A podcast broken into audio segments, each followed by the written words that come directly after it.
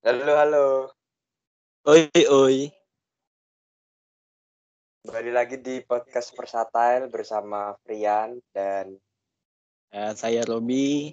Ya, kita balik lagi ya membahas hal-hal seputar Liga Inggris ya, Yan. ya. iya. Kali ini mau bahas apa nih? Kayaknya agak Kali ini- spesial ini. Kali ini ini sih hasil terbaru dari UCL nih. Kemarin abis drawing. Bener ya, bener. bener. Nih, Jadi mungkin untuk nambah keramaian kita kedatangan tamu spesial juga nih. iya, kita sambut aja sih. Ini siapa sih nih tamunya hari ini? Coba suruh perkenalan sendiri aja. Coba Anda memperkenalkan diri. Kaku sekali ya kalian-kalian ya. Halo, kenalin. Namaku Noval. Panggil aja Opal lah gitu. Nggak tahu ya aku tiba-tiba diajakin ini sama berdua buat ikut podcast gitu katanya biar ngeramein lah gitu. Ya aku mah bukan expert ya, cuman ya tahu aja sedikit gitu tentang bola. Kebetulan suka bola lah istilahnya gitu. Jadi bisa sedikit-sedikit lah analisis gitu. Gitu sih. Lu emang klub apa? Fans klub apa, Pak? Biasa lah. Klub yang kemarin masih dikawal itu loh, Rob. Banyak Oh, yang sekarang yang dikawal. dikawal. Oh iya. Enggak kamu doang. Aku aku aku decul sih lebih de- lebih ke arah decul. Cuman aku aku nggak udah nggak dede dede, udah tua anjir. Berarti Pak Cul, Pak Cul. Eh Pak Cul. Iya iya iya, Pak. Pak Cul, Pak Cul. Ini si Frian kok lemes banget ini ya jawabannya. Biasalah, tahu sendiri lah. Kemarin kan, beh, Adrian kan bermain sangat gemilang kemarin. Passing, passing, Siapa passingnya tuh, Yan, passing, passingnya tuh sangat apa ya? Kayak, kayak 100% akurat gitu. Kelawan maksudnya. Iya kan dia pemainnya Aston Villa kan. Anjir. Menghancurkan Liverpool dari dalam. Aduh. Sini nggak kepake lagi dah. Ini ngundang Pepe Reina lagi lah. Iya harusnya Pepe Reina, kalau enggak sih itu jersey Dudek. Anjing itu dek. Ya Udah itu mah dibilang dia. Dia Jam di PS2 PS2 anjir. Nggak ada kalah-kalahnya anjir Dudek tuh. udah tua lah sekarang dia. Gimana gimana kita mau bahas apa nih? Bahas apa? Bahas apa? Mana ya? Bahas dari Bahasa baru. bahas dari ini aja ya. Grup pertama dulu ya, grup A. UCL nih. Ah, Ini di grup Grup A. A ya. Iya. Ini di grup A UCL nih. Sekarang ada Bayern, Atletico, Salzburg, sama Moskow ini. Udah fix Bayern, udah udah.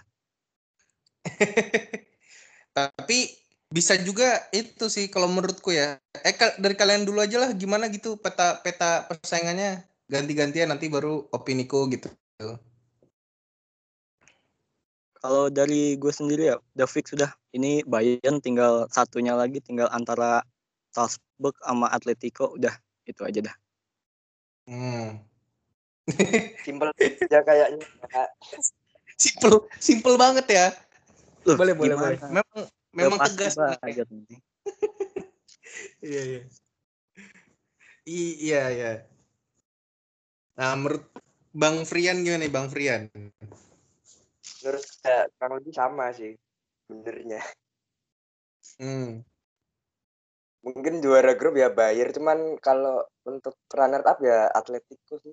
Salzburg kan Atletico. udah hilangin banyak pemain kunci jadi mungkin belum bisa Hmm. bersaing. Loh, Ya kan masih udah. ada si ini, Baik. Wang Hichan gak sih?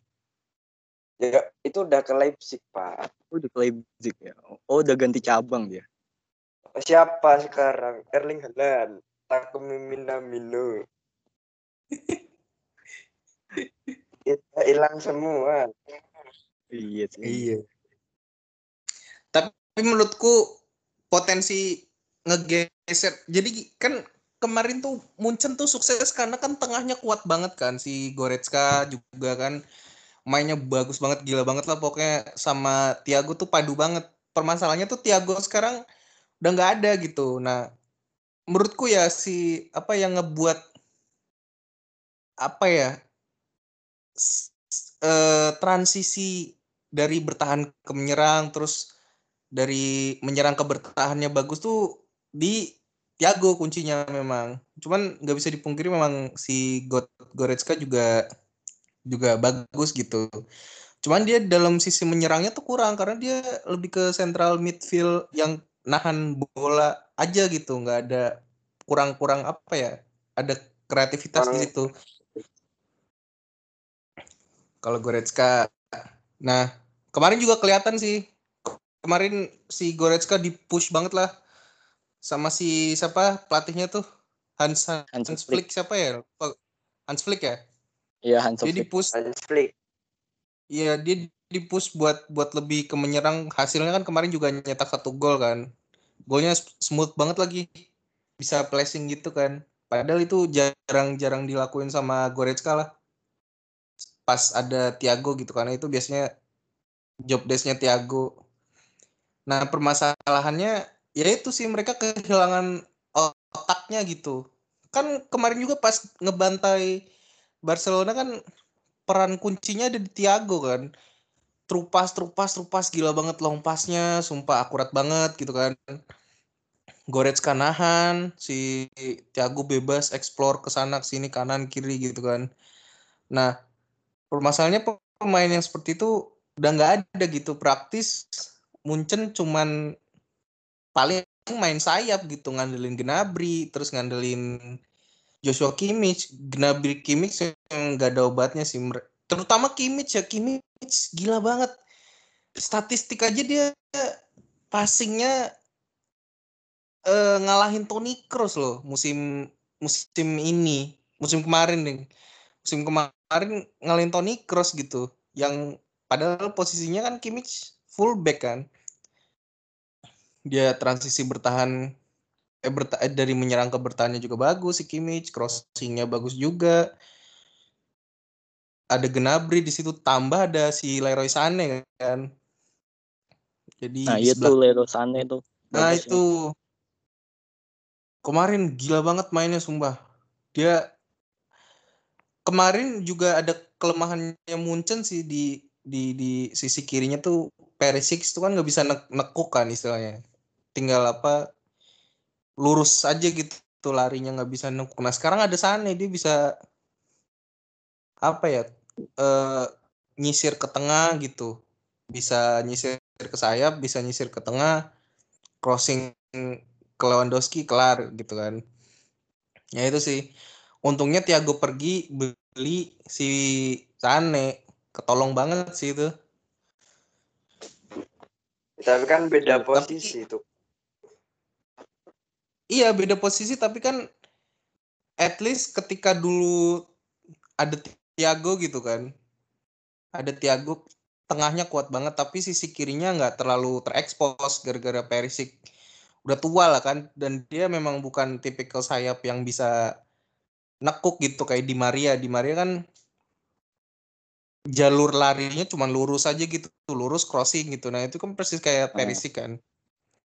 Nah, sekarang ada si Sane bebannya istilahnya bebannya Goretzka tuh nggak terlalu nggak terlalu nggak terlalu seberat itulah karena si Sane juga bisa jadi istilahnya playmaker di depan gitu meskipun dia posisinya sebagai sayap tapi dia bisa crossing dia bisa ngobrak-ngabrik lah istilahnya bisa cross ke Lewandowski bisa bisa segalanya lah harusnya si Leroy Sané. Cuman permasalahannya mentalnya ini. Dia di Manchester City nggak bisa nge-carry Manchester City. Beberapa kali masuk champion tapi dia kurang bisa itulah istilahnya mental mental juaranya nggak ada gitu. Nggak kayak Perisic. Perisic kan gila banget dia.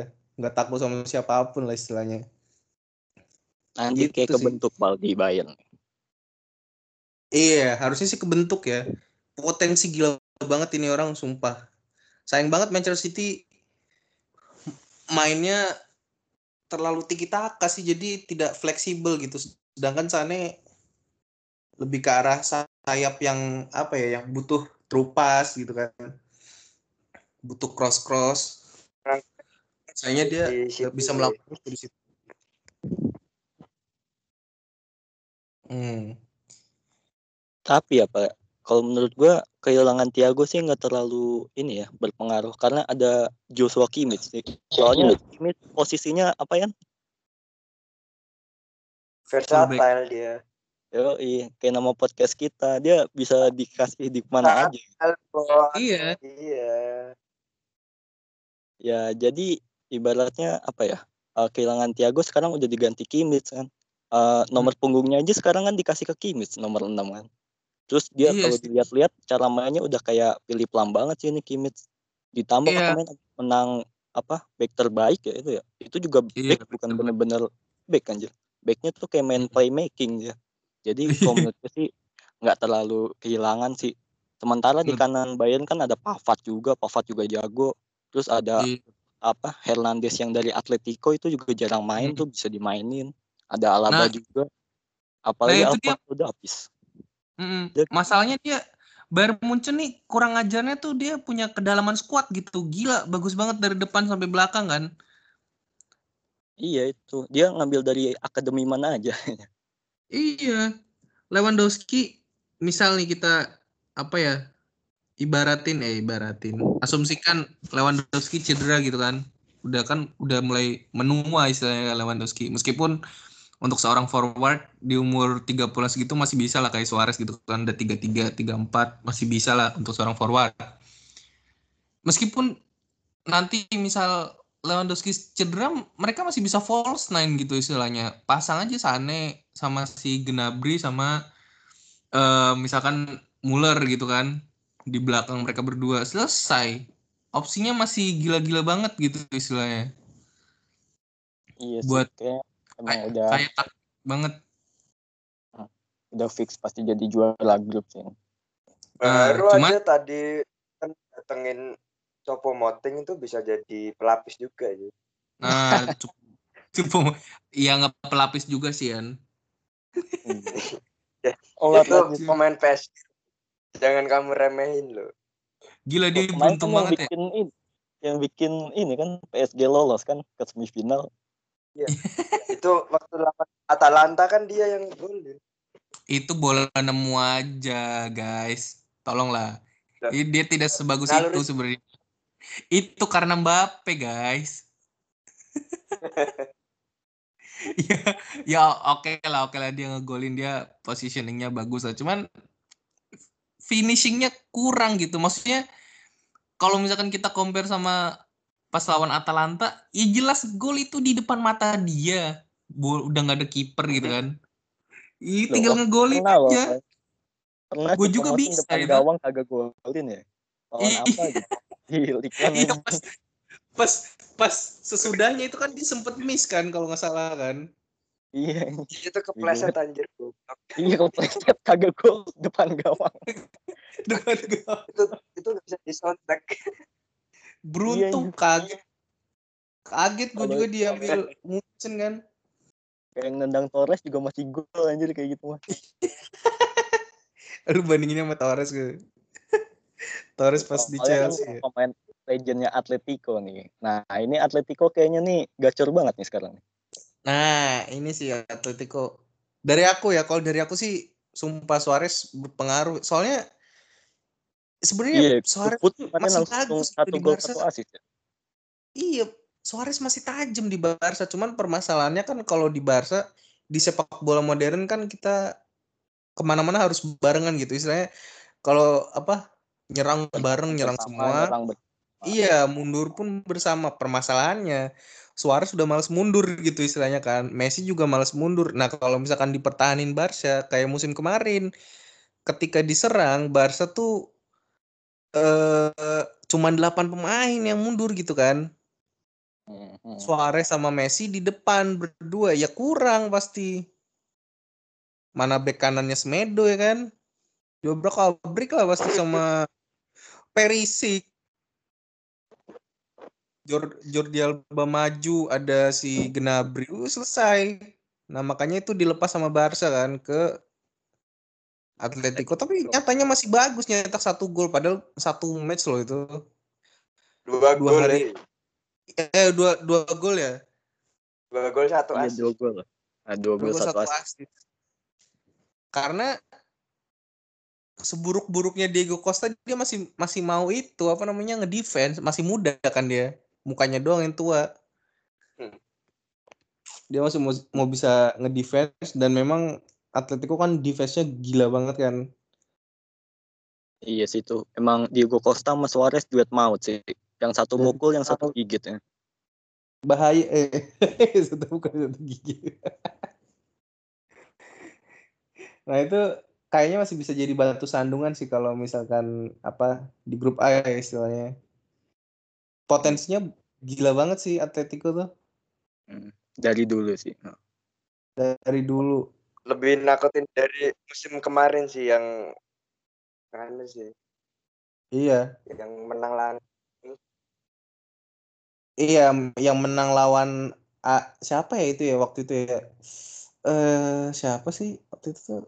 Kayaknya klub anta Iya, berantah tuh. deh. juara juara bertahan anjir. Jangan katain ya lo.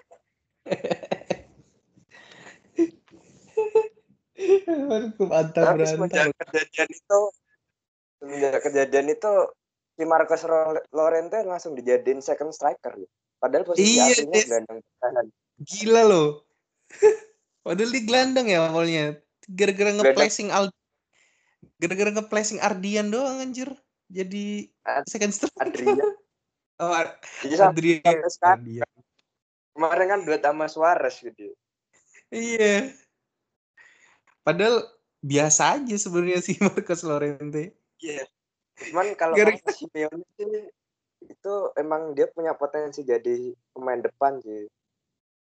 Iya, dia visinya bagus sih, lebih ke arah visinya. Dia apa ya?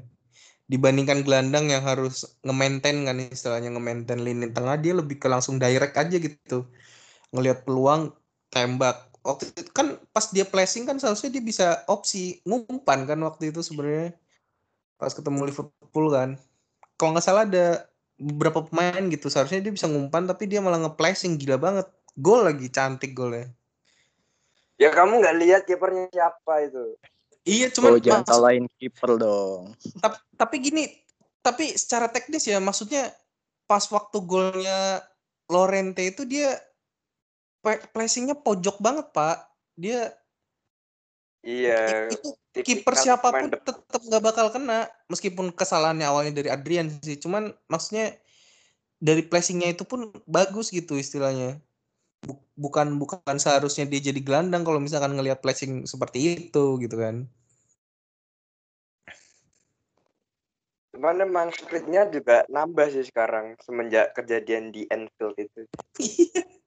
Gila lawan Liverpool doang loh bisa nambah nambah karir anjir. Iya, harus berterima kasih dia sama Adrian. Padahal yang bapuk Adrian loh. Jadi Kayaknya kamu kesel banget sama Adrian ini. Yan. Ya, nggak tahu sih. 6 minggu besok kipernya Adrian terus loh. Gimana? gitu? Eh, bukan kamu doang ya. Beberapa bulan ke depan kiperku Neto, bos. Ya Neto kan nggak ada riwayat blunder. Hey, kau masih ada Andrew Robertson. Di aku ada Sergio Roberto, bos. loh, kan ada baru kan Sergino Des kan. Iya, Sergio Des sih. Cuman kirinya masih Alba tetep. Di corner taken quickly lah ya. Kiper. Terus Stegen aja sampai deg-degan loh. Lanjut nih gimana nih Atletico Madrid nih ada peluang nggak kira-kira kalian buat ngelihat dari sisi yang lain? Ya, kalau peluang lolos grup sih pasti sih. Itu gimana kalau Robi? Ya semuanya gimana ya? Udah ini emang udah bener-bener lolos sih. Kayak dilihat dari kedalaman squad juga udah sekarang udah lumayan bagus kan. Udah ada Suarez, Costa, terus eh, kipernya kan masih oblak kan, nggak ngotak itu kiper kan. Masih ada ini juga siapa Thomas Partey juga, tapi nggak tahu sih nanti kayaknya Partey mau pindah ke Arsenal ini deadline-nya. Masa mau ke dok? Eh, enggak, enggak. Ya pasti udah dah. Eh, lolos dah ini berdua sama Barca sih ini. Udah fix kayaknya. Ap- apanya apanya? Yang apa? Grup B? Eh? Grup B belum. sama Barca? Bayern? Oh iya sama Bayern ini kayaknya. Sama Bayern udah pasti lolos lah Atletico ya. lu sangat mengidolakan Barca banget kayaknya Rob Nggak gitu. Kemarin soalnya ada ada konflik gitu. Messi pengen ke ini kan ke IPL makanya bersemangat banget Oh. Barca. iya itu sih gila sih Iya sih. Tapi emang klub Madrid tuh jago-jago. Apalagi Real Madrid nih. Nih Real Madrid di grup B ketemu sama Shakhtar Donetsk, Inter sama Mönchengladbach. Gimana nih Hmm. peluang Real Madrid dari kacamata lu Yan gimana Yan? Kalau menurut aku sih ya pasti grupnya mudah sih kayaknya buat Madrid. Ya paling saingannya cuman Inter. Mönchengladbach juga bisa sih. Ya mungkin Glaba bisa cuman masih di jauh lah di bawah Real Madrid. Ya bahkan di jauh di bawah Inter Milan sih kak. Iya. Emang Real Madrid sama Inter beda sih kelasnya sih. Mm.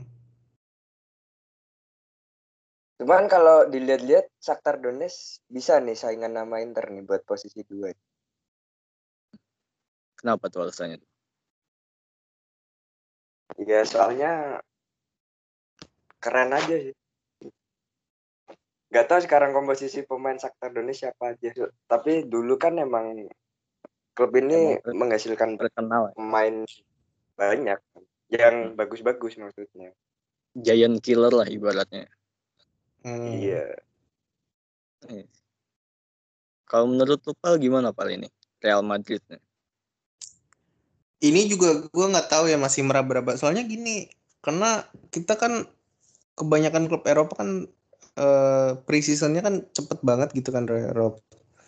Iya. Nah itu yang ngebuat Iya. mungkin potensi pemain tuh masih masih belum muncul gitu. Madrid pun sama. Dia kehilangan Bale itu menurut gua cukup apa ya? Cukup kehilangan besar lah karena mau nggak mau balik lagi yang apa ya?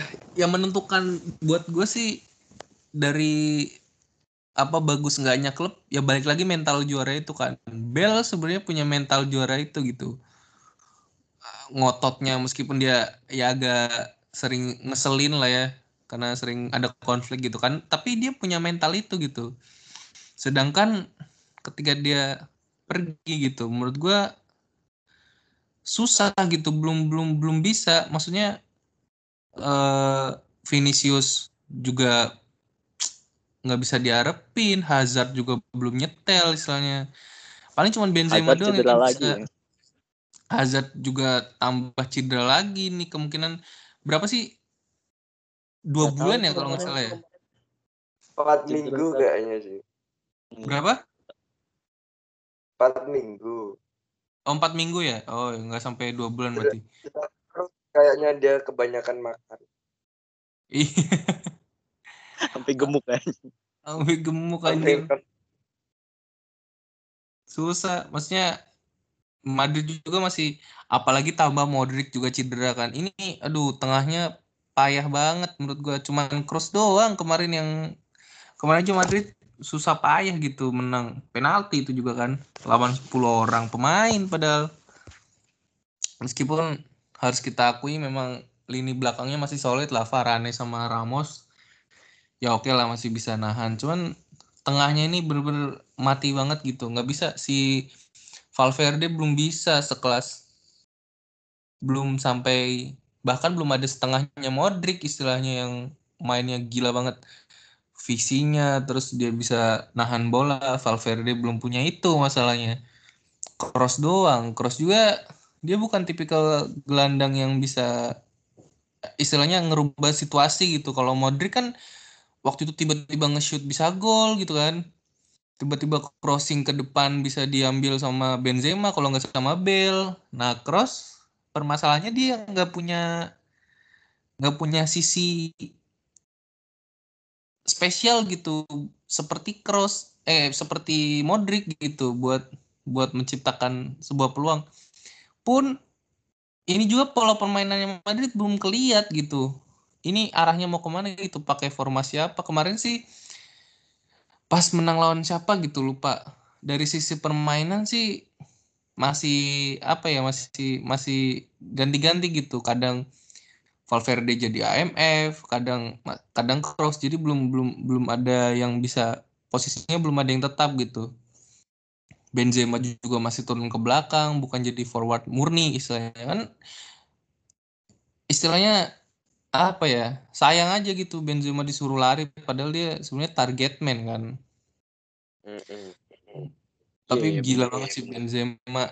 Benzema masih masih gila banget lah buat buat buat itu. Tapi untuk untuk tapi aku aku rasa sih menurutku juga kalau misalkan apa ya performanya Inter masih kayak musim kemarin dan memang sepertinya masih kayak musim kemarin itu. Bagus banget aku jadi pure target man didukung sama Lotaro kan.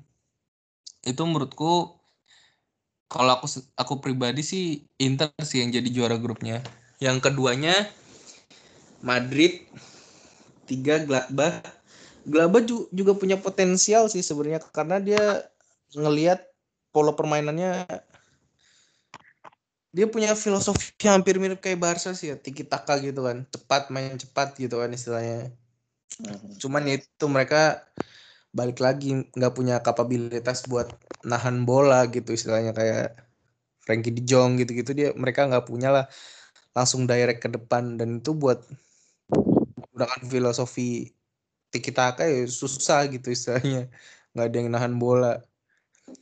Ya paling itu sih satunya Inter, keduanya Madrid, tiganya antara Gladbach sama Donetsk. Donetsk aku nggak ada itu sih apa, nggak ada nggak ada gambaran lah aku nggak jarang-jarang ngeliat Donetsk sih. Itu yang Inter Inter juga stabil sih ya depannya bener-bener gacor banget lah si Lukaku sama Lautaro. si siapa Lautaro ya. Lautaro. Iya. Itu sih menurutku. Backnya juga gila banget. Diego Godin masih bisa perform kan. Iya, Godin dan, ya. Dan dan satu apa ya faktor X yang bisa ngebuat Inter mungkin bisa menjuarai eh menjuarai bisa at least bisa juara grup lah itu karena si Antonio Conte ini pinter gitu dia punya apa ya ketika dia strateginya tidak berjalan, dia punya, punya plan B. Punya, punya plan B yang bagus iya bener hampir kayak Zidane sih sebenarnya. Cuma permasalahannya kan ini Zidane tidak punya tidak punya pemain yang mumpuni istilahnya kan.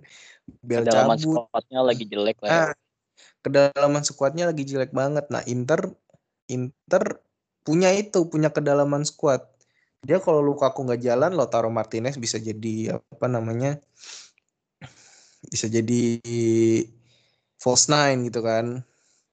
Masih belum bisa jalan lagi Alexis Sanchez gitu-gitu kan. Belum Alexis Sanchez yang lagi happy banget gue sebelumnya pas pas di Alexis Sanchez di MU itu nggak suka aja gitu lihat gaya mainnya. Dia dia terlalu melebar banget jadi sayap. Manchester United nggak bisa memaksimalkan potensinya itu. Padahal dia sebenarnya mainnya lebih ke arah second striker kan.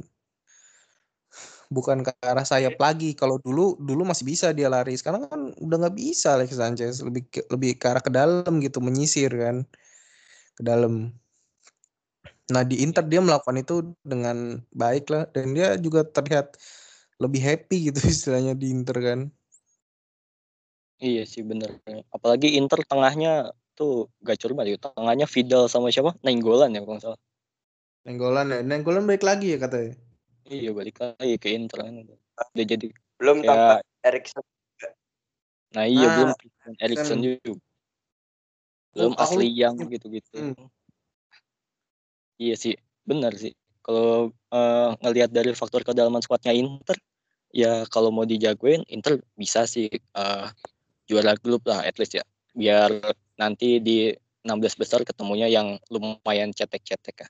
Tapi kalau dilihat Madrid sendiri sih, gue ngerasanya gara-gara ada faktor Zidane sih. Soalnya Hmm. Zidane gimana ya? Emang taktikalnya jago banget gitu loh. Pas ibaratnya eh, dia tahu kapan harus main ofensif, kapan harus main counter attack segala macam gitulah. Kapan harus masang Isco, kapan harus masang Valverde. Dia kayak tahu aja gitu lawannya tuh kelemahannya lebih ke mana gitu. Ya apalagi dia anak kesayangannya kan Benzema itu gacor-gacornya sama Zidane kan. Jadi Iya. kalau menurut gue sih masih 50-50 ya untuk eh, juara grup di sini. Tapi ya udah antara dua itu aja sih, cuman si Inter sama Real Madrid. Itu sih menurut gue. Sayang banget sih Isco nggak terlalu banyak dimainin ya. Gue Iya, merasa sayang. Tapi ini katanya eh, si Kroos kan juga cedera kan, tiga minggu kalau nggak salah kemarin. Cedera paha. Sebenarnya apa yang dialamin Real Madrid? Dialamin Barcelona sih dua tahun lalu. Sampai sekarang sebenarnya. Transisi itu nggak nggak nggak nggak terlalu kelihatan karena memang Modric Kroos terus waktu itu masih ada Ronaldo Bale Benzema tuh masih perform lah kayak terakhir Xavi Iniesta di 2015 Barca kan pas treble. Nah pas mereka pergi tuh udah mulai gejala-gejala kan dibantai Roma dibantai Liverpool. Nah itu itu kayaknya yang sedang dialami sama Real Madrid karena Modric udah 34 Kroos sudah 32 ya. Kroos sudah 32 paling Uzur Casemiro tuh iya udah uzur. Benzema juga bentar lagi. Bale udah cabut ya paling cuma ngandelin Isco ini sama si Valverde aja. Vinicius juga belum belum bisa. Asensio tuh yang sayang banget. Asensio ini masalahnya nggak tahu ya kenapa ya. Padahal dia punya potensi bagus. Dia punya dia punya visi yang bagus. Dia punya sedikit speed lah. Karena Real Madrid kan tidak terlalu membutuhkan speed istilahnya. Dia yang penting punya visi bagus punya crossing bagus shoot bagus Asensio punya itu sebenarnya. Cuman nggak tahu kadang kalau di di beberapa match yang penting Asensio suka hilang aja gitu performnya. Nggak nggak kayak nggak kayak main biasanya nggak bisa lepas gitu. Sedangkan Inter di tengah dia ada Eriksen ada Nenggolan backnya dia punya Skriniar. Iya bisa sih, gonta ganti sama si siapa? Si Diego Godin buat ngepres Bang Benzema kan? Iya, Ada- iya. ada ada Kolarov juga. Kadang masang Brozovic. Itu The Fry juga kan main. Hakimi jangan lupa. iya Ashraf Hakimi. Ashraf Hakimi juga potensi sih. Dia dia sayang banget sumpah dilepas sama si Real Madrid ya menurutku sih Kalah jam terbang gitu. Kalah Malah ini ya, malah nginiin si siapa? Carvajal ya. iya malah lebih mentingin Carvajal iya meskipun itunya bagus Carvajal cuma kan seharusnya Real Madrid punya visi ke depan gitu buat buat menggantikan Carvajal sama si Marcelo kan Oh iya, kayak Marcelo kan udah mulai digantiin Ferland Mendy ya, gitu kan. Iya, si Marcelo kan udah diganti si Mendy tuh. Nah, kanannya kan belum ada. Iya sih, Mendy bukannya Lucas Vazquez ya. Sekarang kadang jadi bek kanan kan. tap- tapi permasalahannya Vasquez tuh lebih ke menyerang dia nggak nggak nggak apa ya suka lalai gitu kalau misalkan diterapin di back kiri Iya sama kayak Marcelo kan udah tua lupa ini lupa turun lagi ya. Ih, lupa turun lagi Ih, balik tadi kan pola sepak bola sekarang kan harus nyerang bareng mundur bareng kan nggak bisa kalau misalkan ngandelin cuma nyerang doang. dan Vasquez ini sumpah ini buang aja lah harusnya nggak penting sumpah Iya. Makanya kan emang naruhnya Ferland Mendy ya. Tapi gue rada Iya. kurang seret sama abangnya si Mendy ini si Benjamin Mendy ini gimana ini di City anjir kemarin. Nah, itu coba dah kalian itu deh gimana? Aku kurang memperhatikan Mendy sih kayaknya yang Benjamin. Eh, itu emang kakak adik ya? Ya enggak sih namanya doang sama. Oh, iya. Gimana tuh? Enggak. Aku Iya, soalnya belum belum bisa meraba-raba sih baru awal-awal. Kalian gimana tuh? Iya sih ini si Mendy lumayan lah ya. Terus juga City ini sekarang masuknya di grup C kan ya sama Porto, Olympiakos, Marseille. Ini mudah lah ya buat City ya. Ya mudah dari dulu dapatnya drawing yang lumayan mudah. Faktor ini ya Sheikh Mansur ya. Iya faktor bayar UEFA dia. dari UEFA. Iya sih kemarin itu katanya sih nggak ini sih nggak pelanggaran itu tuh cuman telat ap- apa gitu suruh bayar 10 juta euro kurang ngerti juga sih Iya kan harusnya kena ban 2 tahun kan City. Dua iya tahun. harusnya kemudian dua tahun kan ada peluang lah buat Arsenal UCL tapi ya udahlah ya Itu tak UEL sih kalau Arsenal sih. eh iya sih ini City udah pasti lah ya peduli. City sih City juga iya sih kedalaman skuadnya bagus juga. Ilkay Gundogan main bagus banget. Kemarin juga pas pas kalah lawan apa tuh di UCL kemarin? Oh yang kamu like Gundogan ya Pal. Apa? Yang apa? Yang kamu spotlight kok Gundogan. Iya, soalnya dia bisa ngegantiin perannya si Silva gitu. Dia main kalem banget. Ya meskipun sebenarnya tetap De Bruyne ya, De Bruyne De Bruyne ya maksudnya kita udah udah sama-sama sepakat dia kan midfielder of the year kan. ya, Midfielder nggak of obat loh. the year. I- itu itu oke lah bagus cuman kan di balik itu ada Gundogan gitu yang yang yang yang mainnya tenang banget dia bisa kontrol the game istilahnya dia bisa dia bisa nyisir lapangan tengah dia bisa kadang kalau satu tim tergesa-gesa gitu dia bisa yang yang apa ya nenangkan istilahnya bisa tenang gitu nah cuman permasalahannya di situ ini mereka nggak punya forward udah itu doang Ini masa cuman ngandelin Gabi sama Aguero Aguero aja udah udah nggak pernah kelihatan sekarang Gabi Ya, doang mana apa Gabriel Jesus sama Aguero cedera kan ya Nek? Iya cedera. Kemarin mereka main Fosnan terus kan. Tiga Iya, game masangnya- Premier League. Masang siapa Sterling ya masang Sterling Mahrez tuh di Mahrez depan nggak kan. sih iya Sterling. Mahrez sama Phil Foden kan iya Phil Foden dimainin kan on Leeds United kemarin seru ya Phil Foden jelek Iya, banget sih Foden. jual aja lah itu menurutku nggak nggak berpotensi sih Mending- langsung mending- jual aja. Ya, bagus soalnya itu apa ya? Dia, Kalau- masalahnya dia nggak enggak kemarin aja. Gimana gimana pak? Nih. Enggak soalnya Gimana? ini loh kalau aku menilai poten, potensi pemain bagus itu eh, dari kebener ke keberaniannya dia untuk decision making lah. Itu paling paling utama dari pemain muda ya karena jarang ada pemain muda yang punya decision making yang bagus gitu. Kapan dia harus nge-shoot kapan dia harus ngedribble terutama untuk pemain sayap ya. Contohnya dia yang yang menjanjikan kayak Ansu Fati dia punya punya punya decision making yang bagus. Kemarin juga seharusnya dia bisa umpan tapi dia nge-shoot dan gol.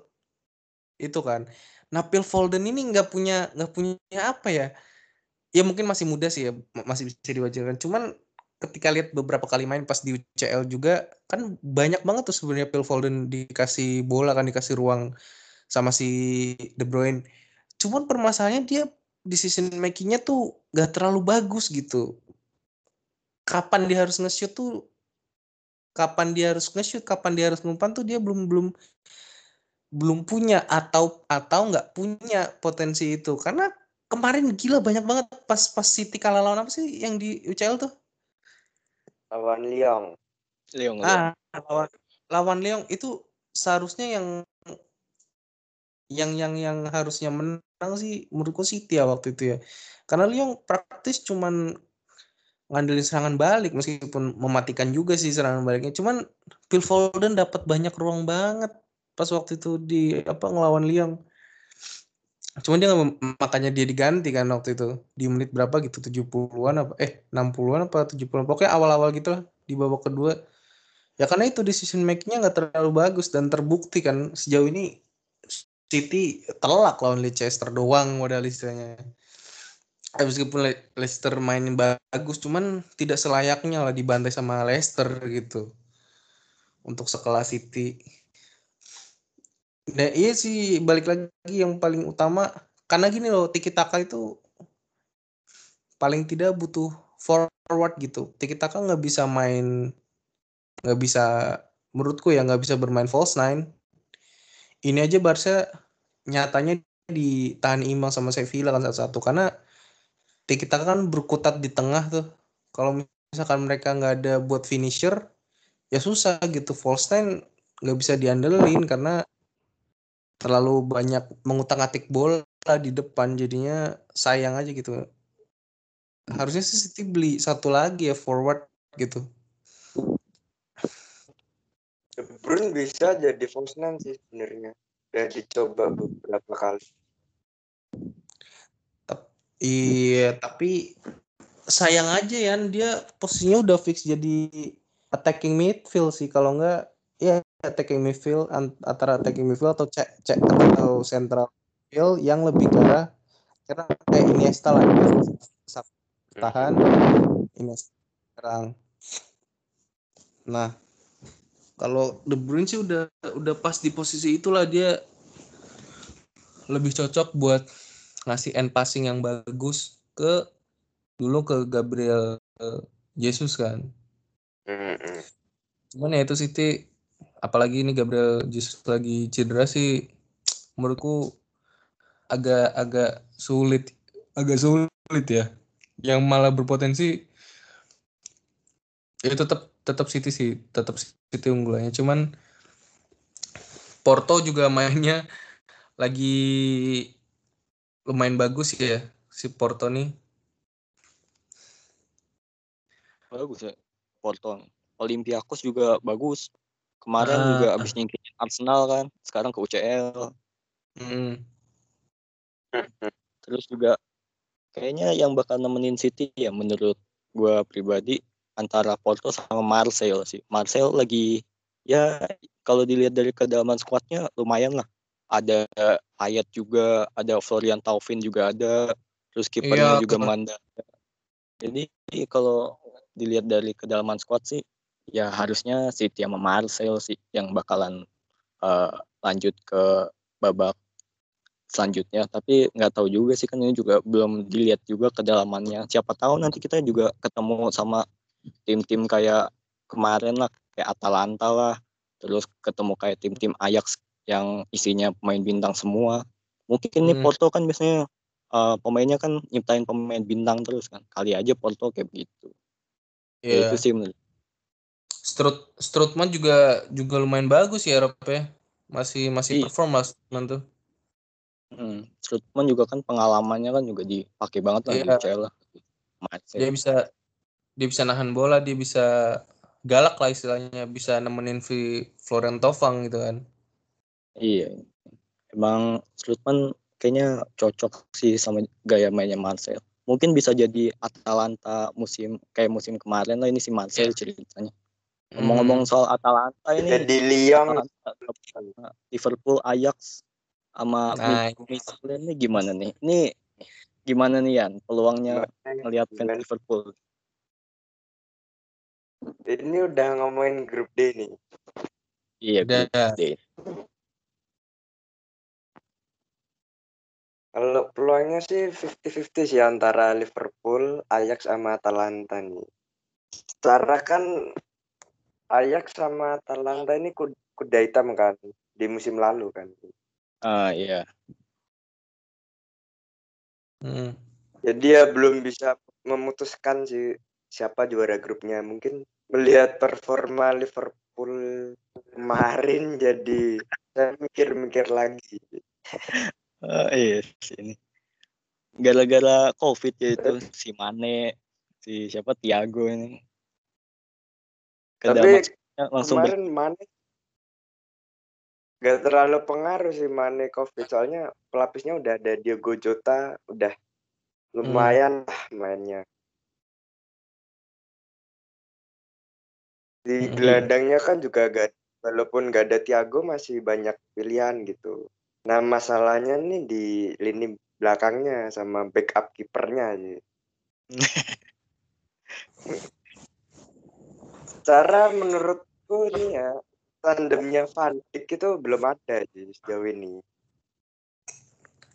Masih angin-anginan juga Joe Gomez terus Joel Matip juga cedera terus.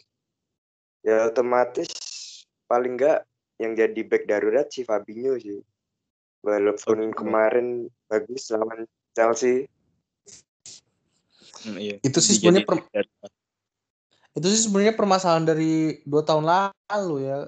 Memang tandemnya Van Dijk-nya belum ada yang itu dari si siapa yang pemain Kroasia itu Dejan Lovren.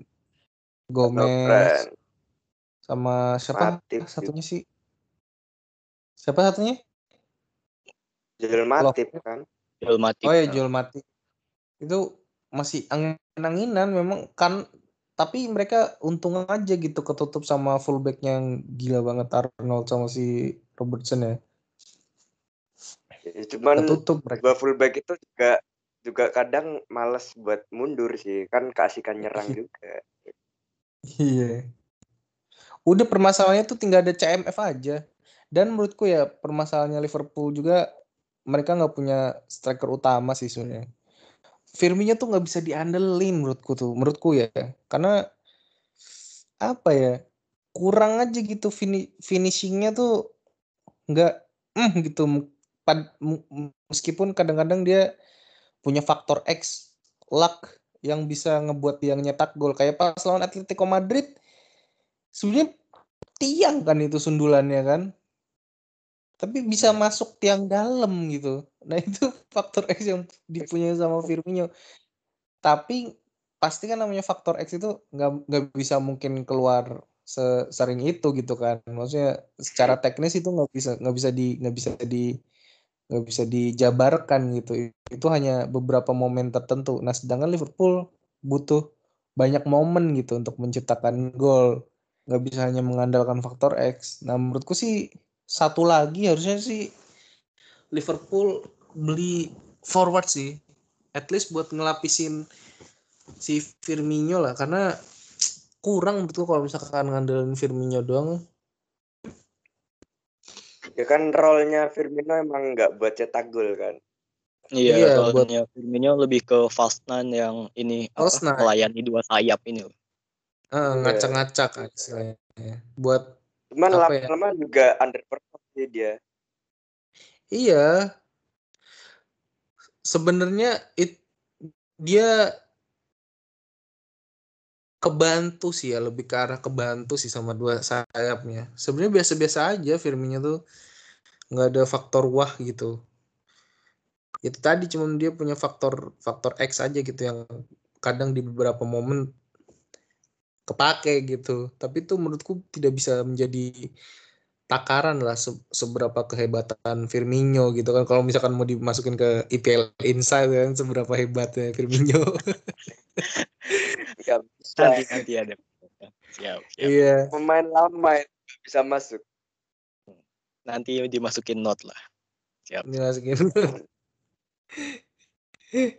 nah itu kalau misalkan Liverpool beli Thiago otomatis dia seharusnya beli forward satu gitu karena balik lagi Thiago pun ketika dia dipaksa buat megang bola terus suruh terupas crossing gitu-gitu percuma nggak bakal istilahnya nggak ada yang bisa ngemantulin gitu kayak Lewandowski Firmino nggak punya kemampuan buat mantulin itu.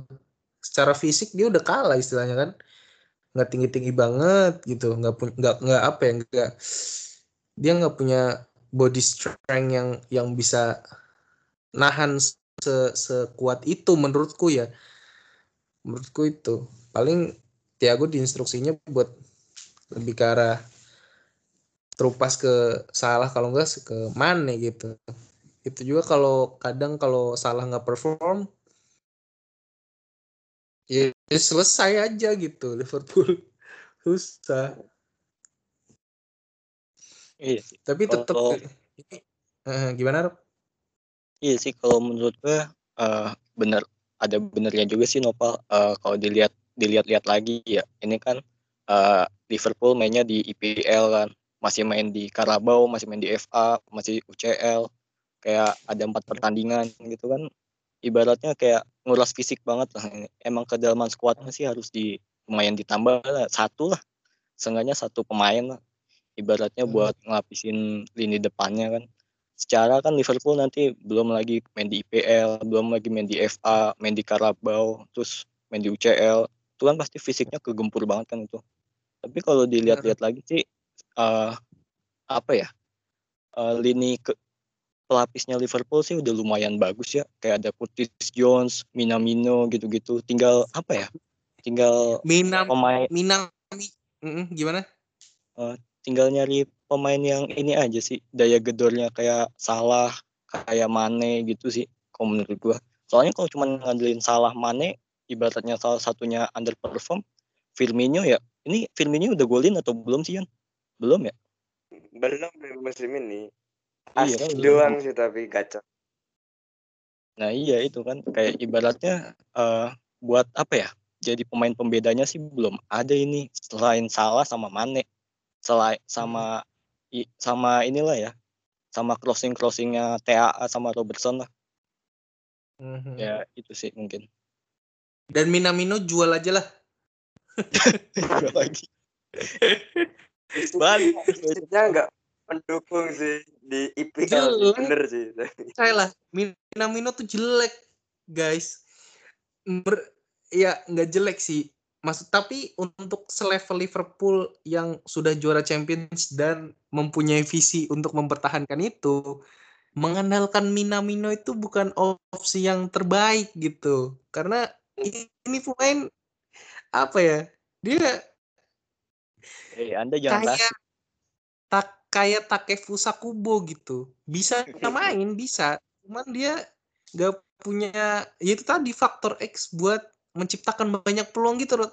tahu nggak maksud gue? Tapi banyak orang yang bilang ini pemain prospeknya bagus lah masih muda masih dia 27 tahun. Berapa? 26 eh 25, 25 apa 24 ya? 25 apa 27 sih? Masih 25 Masih malah. muda ditua-tuain lah. Ma- ma- masih muda ya cuman kan untuk seorang gelan untuk seorang apa striker kan umur 25 dengan penampilan yang macem gitu kan ya apa ya menurutku kurang aja gitu. Karena Fisiknya juga dia kurang. masalahnya dia tuh striker dia kan harusnya dia kan diplotin untuk gantiin salah kan sebenarnya kan. AMF dia oh dia MF oh ya berarti ke Eh, gelandang serang. gelandang IMF ya Iya biasanya ditaruh di IMF. plotnya Firmino sih biasanya dijadiin false nine kemarin non Carabao bukannya jadi false nine ya iya kan Iya jadi maksudnya rata-rata sih lebih ke gantiin Firmino sih jadi super sub sih biasanya.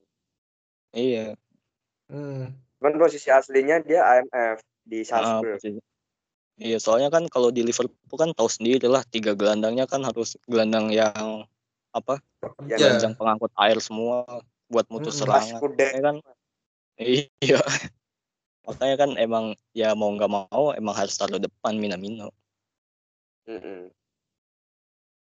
Iya iya iya.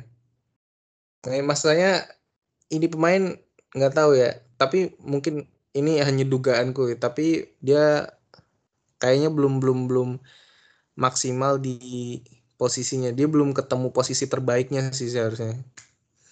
Karena ditaruh Iya. di IMF pun banyak banget peluang tapi dia nge-shootnya kurang waktu itu aja pas pas pas dia nyetak gol butuh di depan gawang banget istilahnya gitu nggak ada kiper baru gol kan waktu pas pas apa ya pas ketemu apa ya gitu lupa aku pokoknya pas siapa gitu ngobrak ngabrik dari kanan terus dia tinggal nunggu di tengah kayak kayak kejadiannya kayak Cupomoting lah itu bener-bener gak ada kiper kan Ya, itu baru gol penting lagi Cupo moting. Kenapa Iya. sih Pal? Cupo moting kenapa? Cupo moting. Kesel gue Rob, maksudnya pemain kayak gitu masuk ke Bayern Munchen gitu loh. Kesel banget gue. Sama kayak Benjamin Pavard. Pavard nggak seberkualitas itu menurut gue untuk seorang fullback gitu. Dia dia, Tapi dia dia kan juara dunia ya Ella itu kan ke di carry sama Mbappe kan. Diobrak Mbappe ngobrak-ngabrik Argentina kan. nggak ada Mbappe juga selesai itu harusnya Argentina bisa lah ada peluang saya kan Mbappe aja itu siapa yang bisa ngejar Mbappe bener sih. Ya. Balik lagi sih itu ya Takumi Minamino menurutku nggak ada prospek sih. Maksudnya karir karir eh karirnya skillnya memang udah mentok di situ gitu. Tau nggak? Kadang kan ada pemain yang bisa improve gitu kan. Ya menurutku improve Takumi Minamino segitu aja gitu. Karena di melihat usianya udah 25 seharusnya visi dan pola permainannya tuh udah terlihat di umur segitu menurutku ya rata-rata. Kayak Messi 22 25-an kan dia udah fix di posisi itu. Yang padahal sebelumnya dia masih bisa di AMF kadang juga main di main di kiri waktu itu.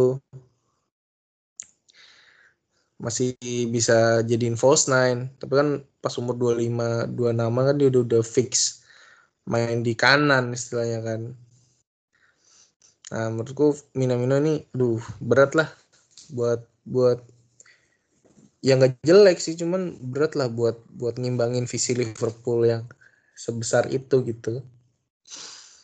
Susah sih buat berkembang di Liverpool juga. Ya menurutku ya dengan persaingan apalagi Premier League kan keras banget gitu.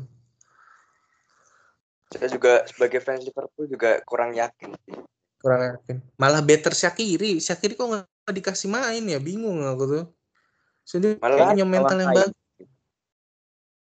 Kenapa ya? Kalau Ada saing sama salah kayaknya. ada, ada yang bisa ngasih tahu aku nggak kenapa Shakiri nggak pernah perform ya? Padahal dia di Sunderland gila banget loh sumpah. Dia nge-carry Sunderland sendiri anjir waktu itu. Stock City eh. Sunderland Stock, eh, Stock City ya? Yang Iya, Stoke pokoknya City. merah putih itu bajunya Iya pokoknya merah putih garis kan. iya banyak banget lagi yang Stock City Sunderland Iya. Southampton. Burnley, Aston Villa, West Ham West Ham ya sama semua ini. Iya. Ya itu padahal gila banget Rob sumpah. Dulu aku tahu Mane, tahu Shakiri kan pernah main bareng tuh kalau nggak salah tuh. Ya nggak sih? di mana tuh mainnya Bu? Di Sunderland deh perasaan deh. Apa eh itu Henderson ya? Henderson itu zaman kapan juga Itu udah lama banget anjir. itu udah Henderson. lama Itu Henderson sih kayaknya. Pokoknya di hitam putih lah. Di, di, di, di yang bajunya eh merah putih. Kalau mana Southampton kayaknya. Ini Southampton Shakiri di Stock City Stock City ya. Oh, Shakiri Stock City ya. Nah, Ya itu Shakiri pas di stok bisa nge-carry dengan mentalnya bagus banget, pejuang banget pokoknya dia. Dan gak cuman berjuang dia bisa apa namanya istilahnya punya visi yang bagus gitu. Tapi di di Liverpool kok ya karena memang Liverpool tengahnya nggak butuh kreatif sih ya, nggak butuh kreatif midfielder gitu ya bener-bener cuman pengangkut air. Winaldum, belinya Oxlade, Chamberlain kan, Henderson, Iya. Fabinho, Nabi Keita, eh, gelandang semua itu. kalau Shakiri kan di Liverpool jadi pelapisnya salah jadi kurang Salah. bersaing Padahal seharusnya Shakiri di AMF sebenarnya posisinya. Nggak bisa dia buat speed terus nekuk kayak gitu. Cuman bisa main lurus aja gitu. Akhir-akhir ini juga sering cedera akhirnya. Katanya juga rumornya malah mau dijual. Mau dijual ya iyalah. Meskipun menurutku bagus sih tapi ya susah lah kayaknya di Liverpool juga Shakiri ini. Kayak kebanyakan gelandang. Mm. Ajax nih gimana nih grup D nih? Kayaknya lama banget ya di grup D nih. Ada Bang Ipul ya, 72. Sama Atalanta ada ini. Anjir. Tuh, Gimana nih Ajax? Kalau menurut lu gimana, Pal? Dari Frian dulu lah. Oh, Devian, gimana ya Ajax? Ajax musim ini udah banyak ditinggal pemain bintangnya ya tapi Hmm, Tinggal siapa sih di situ? Masih masih ada Dusan Tadik sih tahu gue kan dia Iya, udah kehilangan Van de Beek juga udah ke MU Ziyech juga udah ke Chelsea terus si Sergio Des juga udah ke Barca ya Iya. Dipretelin ya. bakal turun sih performanya sih soalnya Iya. udah nggak ada kedalaman sekuat kan mungkin ngandelin pemain muda kali ya. Eh, Tipikal iya, dengan akademinya. Eh paling dia bakal ngecetak lagi sih. Tapi Quincy Promes sih masih masih bisa ya diharapin ya. Dia ya benar-benar di Iya. di Belanda di timnas Belanda juga mainnya ya kinda good lah. Sosok lah. Dia main di Belanda sosok lah. Dia bisa nge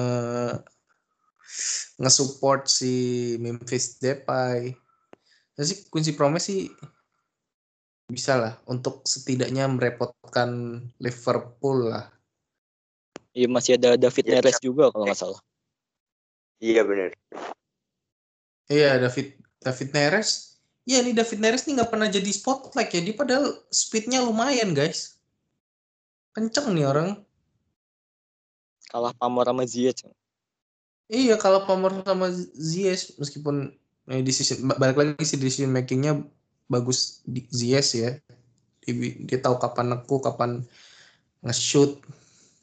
Iya kan udah dibahas di seberapa hebat EPL Insight. Oh iya. Masuk ya. kalau yang kalau yang bagus Neres mah yang ke Chelsea mah Neres Kayaknya iya. Dia umurnya juga masih 9 eh 97 kan. Maksudnya lahir 97 guys, masih 23 dia. Iya masih muda ibaratnya. Jago nih orang. jago lah dipanggil timnas Brasil juga sih. Dan jangan lupa ada Huntelar ya. Info aja nih. Untelan. Kamu masih main apa kagak? Kayaknya udah jarang main. Ya. lihat Hati-hati Masih ya main. Huntelar tuh.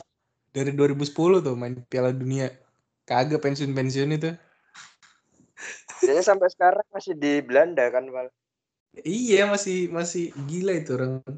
Ya, capek-capek ya. Masih main. Van Persie aja udah pensiun Gila loh. Derkait udah pensiun yang lain-lain nih masih aja main. Nggak capek-capek. Ajax itu doang sih. Ya paling boleh lah Tagliafico lah. Backnya Iya, lumayan Tagliafico. lah. backnya Daily Blind kan masihan sekarang sama Ya. tangannya nggak tahu deh Eh, sama Tagliafico sih backnya itu. oh iya benar bukan Tag- Tagliafico back Bek kanan ya. Back kanan, back kanan. oh back kanannya bukannya itu si siapa yang sama kayak Ziyech gitu Siapa? Siapa? Mas Sauri atau Abdel Nouri. Itu Abdel yang kritik. Itu yang Itu ya. ko- yang koma bukan itu itu koma aja si Nasir Mas Sauri itu Nu Nusair Masori ya? oh iya namanya Nasir Mas Sauri Bener, bener. Mas Ma- Mas Mas Rory ya? Mm-mm. Hmm. Dia bukannya back kiri ya, Yan? Setahu seingatku ya. Iya back back kiri sih. Eh ada Ihataren nggak sih Ihataren?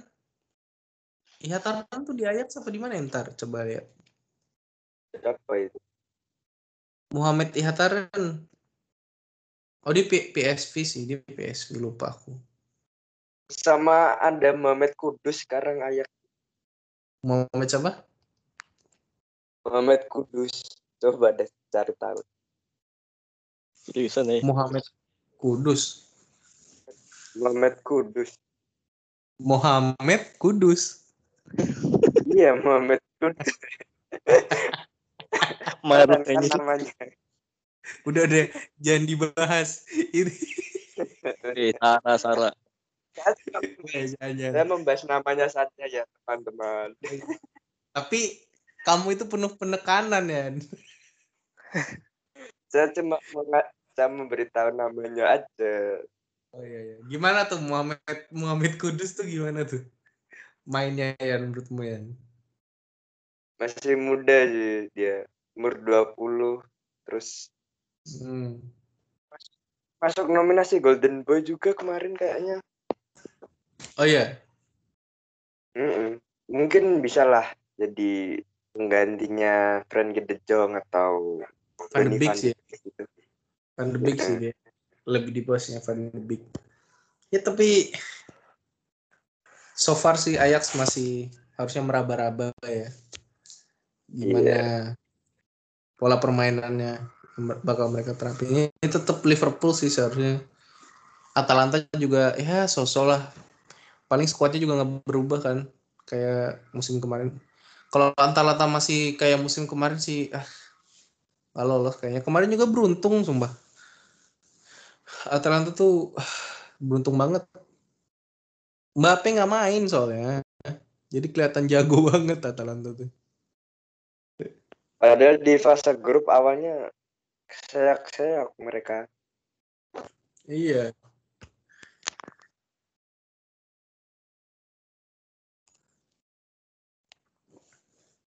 Jadi gimana nih peluang grup D nih menurut kamu, Pak? Ya tetap Liverpool sih. Tetap tetap tetap Liverpool lah. Unggulannya jelas Liverpool, Ajax. Tapi Atalanta juga ada Hatebur. Hatebur juga bisa jadi pembeda lah di kanan sama De Roon. Banyak banget sih ini Belanda connection ya. Iya, Netherlands Connection. Netherlands connection. Bagus sih. Ya nggak bisa dibilang jelek juga, cuman ya secara teknis ngelihat ngelihat kedalaman squad dan tekniknya ya tetap masih Liverpool lah. Kalau nggak Ajax ya udah dua itu kayaknya. Mat Mitila nih siapa lagi nih? Nggak tahu aku. Ya debutan juga dah. Saya juga buta ini siapa mainnya. iya debutan. Debutan sih kayak kayak Sev- Sevilla sih di Liga Champions. Harusnya mereka gimana nih Sevilla nih Mereka mah kalau di UCL malah nggak suka kayaknya. Sih, kayaknya. Kayaknya nanti sengaja ini biar nggak lolos. Tapi Sevilla kemarin pas lawan Barca sih tengahnya lumayan bagus ya mereka bisa pressing, mereka bisa cari ruang. Yang pinternya tuh Sevilla Sevilla bisa memanfaatkan peluang lah sekecil apa pun. Dari sekarang Rakitic juga udah balik kan ya? Sevilla. Rakitic balik, Rakitic balik. Nafas juga mainnya ya better lah buat kontrolin tengah. Depannya Frankie De Jong dia bisa bola atas. Eh Frankie De Jong, si lu Luke De Jong kali. dia. Iya. Ya lu kan banyak banget De Jong ya. Nigel, Yang Nigel Miguel, Miguel yang Sabi semua- Alonso. De Jong. Mawar Eva. itu udah melenceng itu. Oh ya, melenceng ya. Oh iya. Gitu sih. Se- Sevilla bisa jadi kuda hitam lah. Balik ini tetap kuda hitam sih sampai kapan pun kayaknya. Nih, Sampai kapan kemarin juga bagus. Chelsea nih, gimana nih? IPL Insight. Chelsea ya. Gimana Rob? Menurut lu Rob, Chelsea Rob?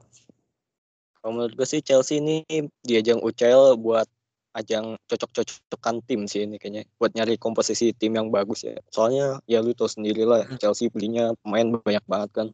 Go Silva, Chilwell, terus ada lagi Havertz, Ziyech juga belum main, Werner belum main. Nah ini kayaknya di UCL kayak gini nih buat apa ya? Nyari kesempatannya Lampard buat apa ya? Nyari komposisi tim yang pas lah ibaratnya. Kayak Mhm. nanti nggak bak kayak ibaratnya masa Timo Werner kemarin ini kan dijadiin striker tapi emang harusnya striker sih tapi gimana ya kemarinnya pas lawan Liverpool Werner kayaknya cuma lari-lari doang aja terus juga Havertz juga ini masih saingan sama anak kesayangannya si Lampard ini Mason Mount ini ngegeser Mason Mount kayaknya susah banget padahal Ya, tuh kalau Mason dipakai terus ya? Bingung. Iya, makanya kayak udah jadi anak kesayangan banget. Padahal juga kalau mau manfaatin si Havertz ya, ditaruh aja tuh di ini, di attacking midfield. Buktinya ya kemarin Hmm. pas uh, Piala Carabao ya, kalau nggak salah itu yang 6-0 pok- yang dia hat trick lah pokoknya itu kan ditaruh di Hmm. ini kan di belakang striker kan kayak dia tuh emang tipikal apa ya playmaker kayak begitu lah kan di ini Hmm. di ini juga apa di apa disebut the next Ozil katanya kan soalnya sama-sama kaki kiri sama-sama nyari ruangnya bagus terus nanti ada Iya. Ziyech juga sih kayaknya Chelsea di kompetisi-kompetisi yang kayak begini gampang sih kayak FA Cup terus sama di IPL sama UCL kayaknya uh, lebih gampang rotasi lah dibanding tim lainnya. Secara Yes. kan mereka timnya kan kedalaman squadnya bagus banget kan. Itu tim Betul, gua. ya Chelsea paling lawan Sevilla ya. 50-50 sih antara Chelsea sama Sevilla. Mungkin eh, mungkin ini ya taruhannya sih nanti pas mereka saling bertemu ya. Eh, mau gimana pun kalau Chelsea bisa menang lawan Sevilla ya mungkin dia yang juara grup gitu sih menurutnya Iya, iya. Gimana nih, Frian? Ya kurang lebih sama sih. Kalau Chelsea masih 50-50 lah Mas Sevilla. Kan Chelsea juga masih coba komposisi tim yang pas karena banyaknya pemain baru juga kan. Hmm. Jadi simpel aja sih menurutku yang bakal jadi juara grup tetap Chelsea karena Sevilla juga masih apa ya namanya masih di bawahnya Chelsea lah kalau di atas apa di atas kertas Hmm. itu aja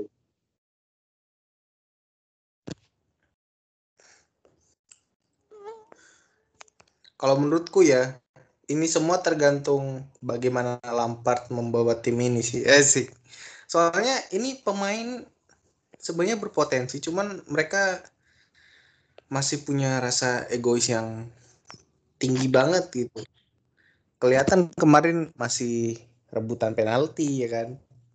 Untung aja pilih Kueta, mereka masih ingin menunjukkan diri sepertinya di depan Lampard dan para fans bahwa mereka dibeli itu terutama yang muda-muda ya, terus si eh, Ziyech belum main sih. Timo Werner sih. Timo Werner Temi Abraham juga. Ini Temi Abraham nih padahal bagus banget loh sebenarnya. Dia tajam sebenarnya tapi jarang kesempatan main sih bingung aku. Temi Abraham. Ya paling enggaknya Chelsea tuh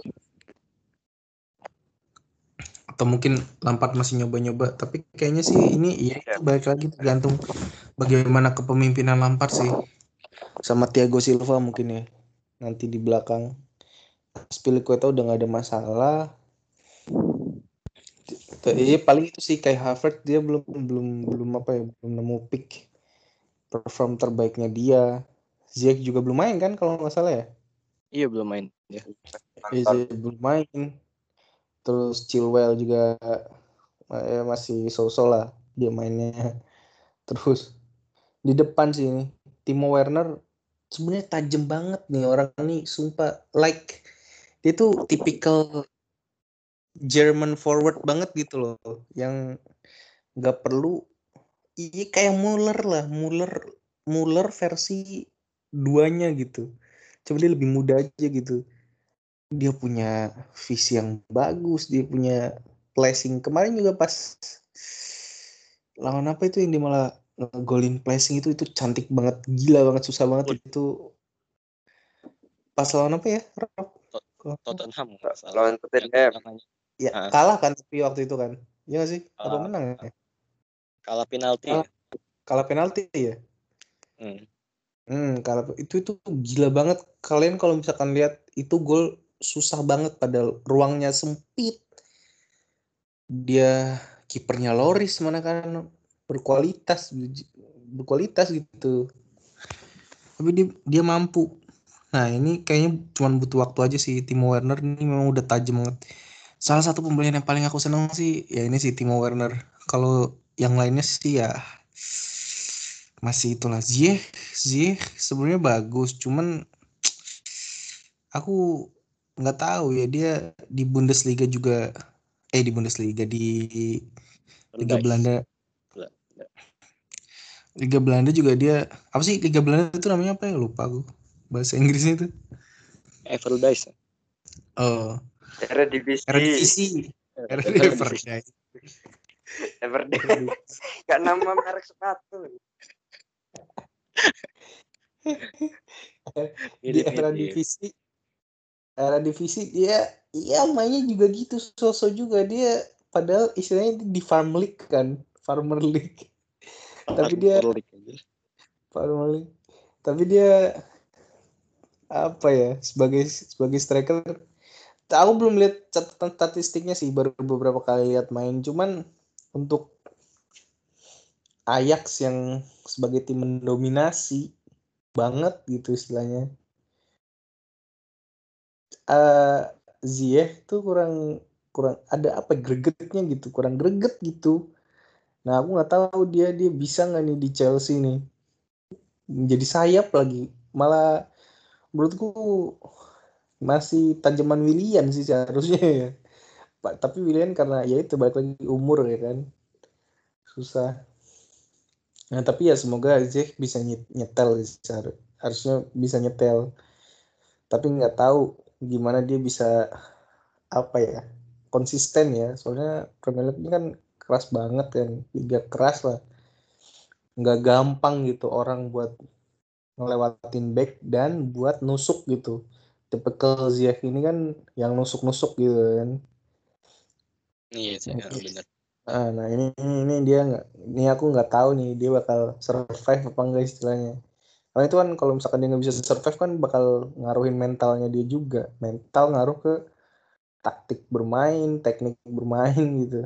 Ini tergantung sih nanti ngeliat gimana. Baru satu dua match lah Chelsea.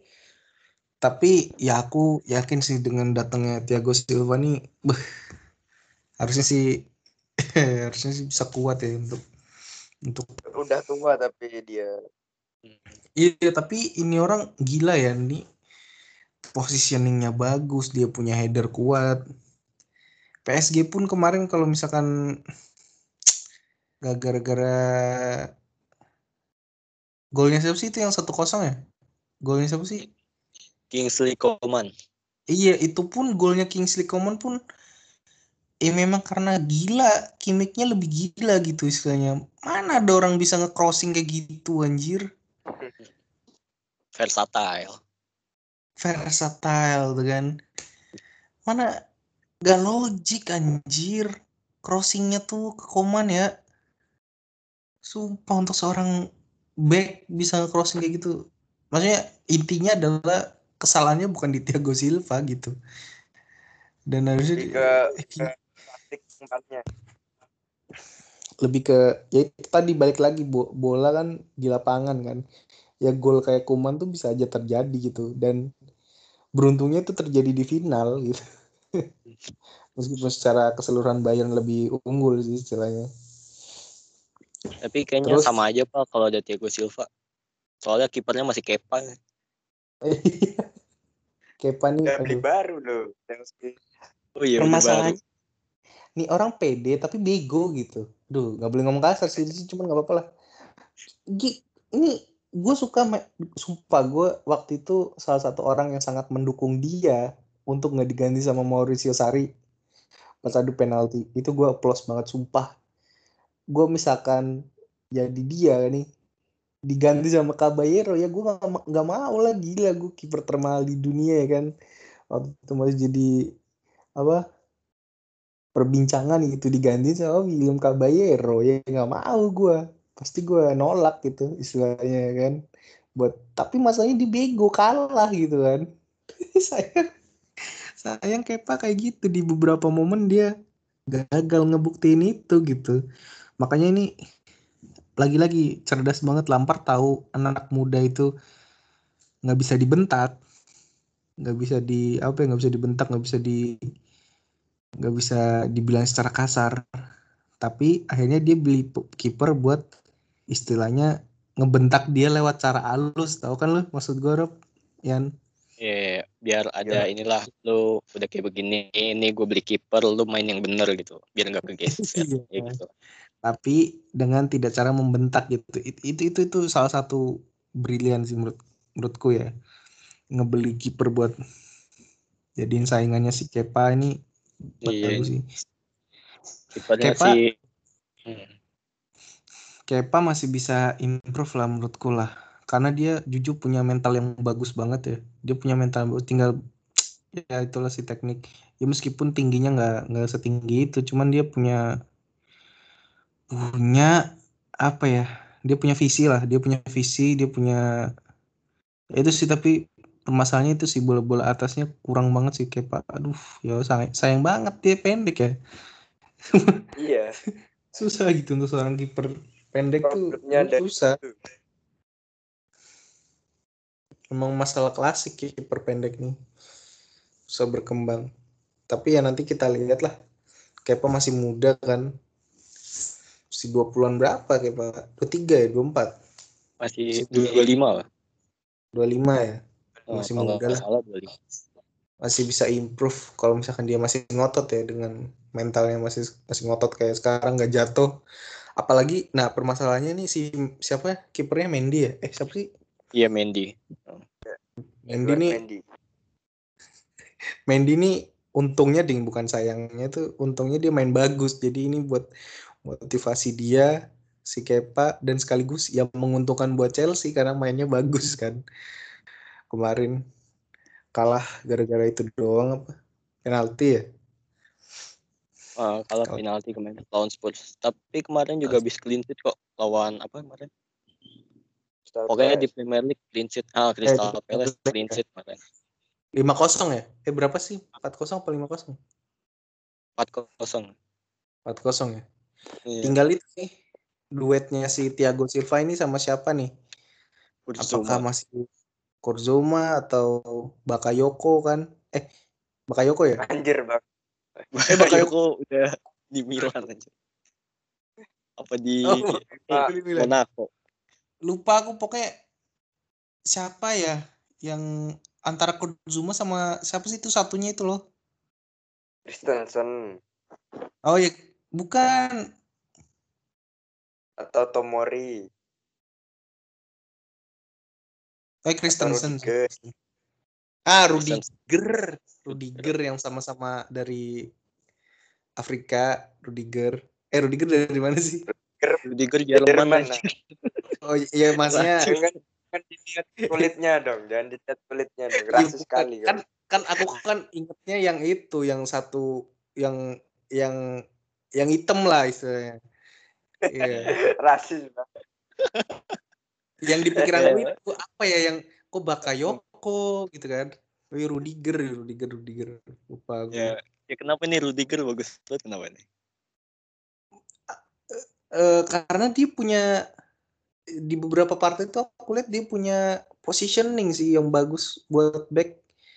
Jadi kan tipikal back nih menurutku ya itu kan ada dua tuh. Ada yang lebih ke arah dia buat screening ball kayak Sergio Ramos, kayak Puyol dan satu lagi buat stopper kayak Pique, Varane, terus ada siapa lagi ya? Rudiger. Nah, ini nih Rudiger nih stopper yang lumayan bagus gitu. Nah, Thiago Silva ini punya screening bola yang sangat bagus juga. Nah, tapi nggak tahu kenapa Rudiger nih belum belum belum nunjukin performanya. Aku juga bingung ya. Padahal dia punya punya punya uh, sebagai stopper kan harus dia punya apa ya? Tahu kapan momentum buat nyetop bola tanpa harus melanggar. Ini Rudiger punya ini sebenarnya. Cuman nggak tahu masih masih di rolling Rudiger. Ya gitulah. Seharusnya sih Rudiger masih bisa ya diduetin sama si Thiago Silva. Masuk lah istilahnya. Itu.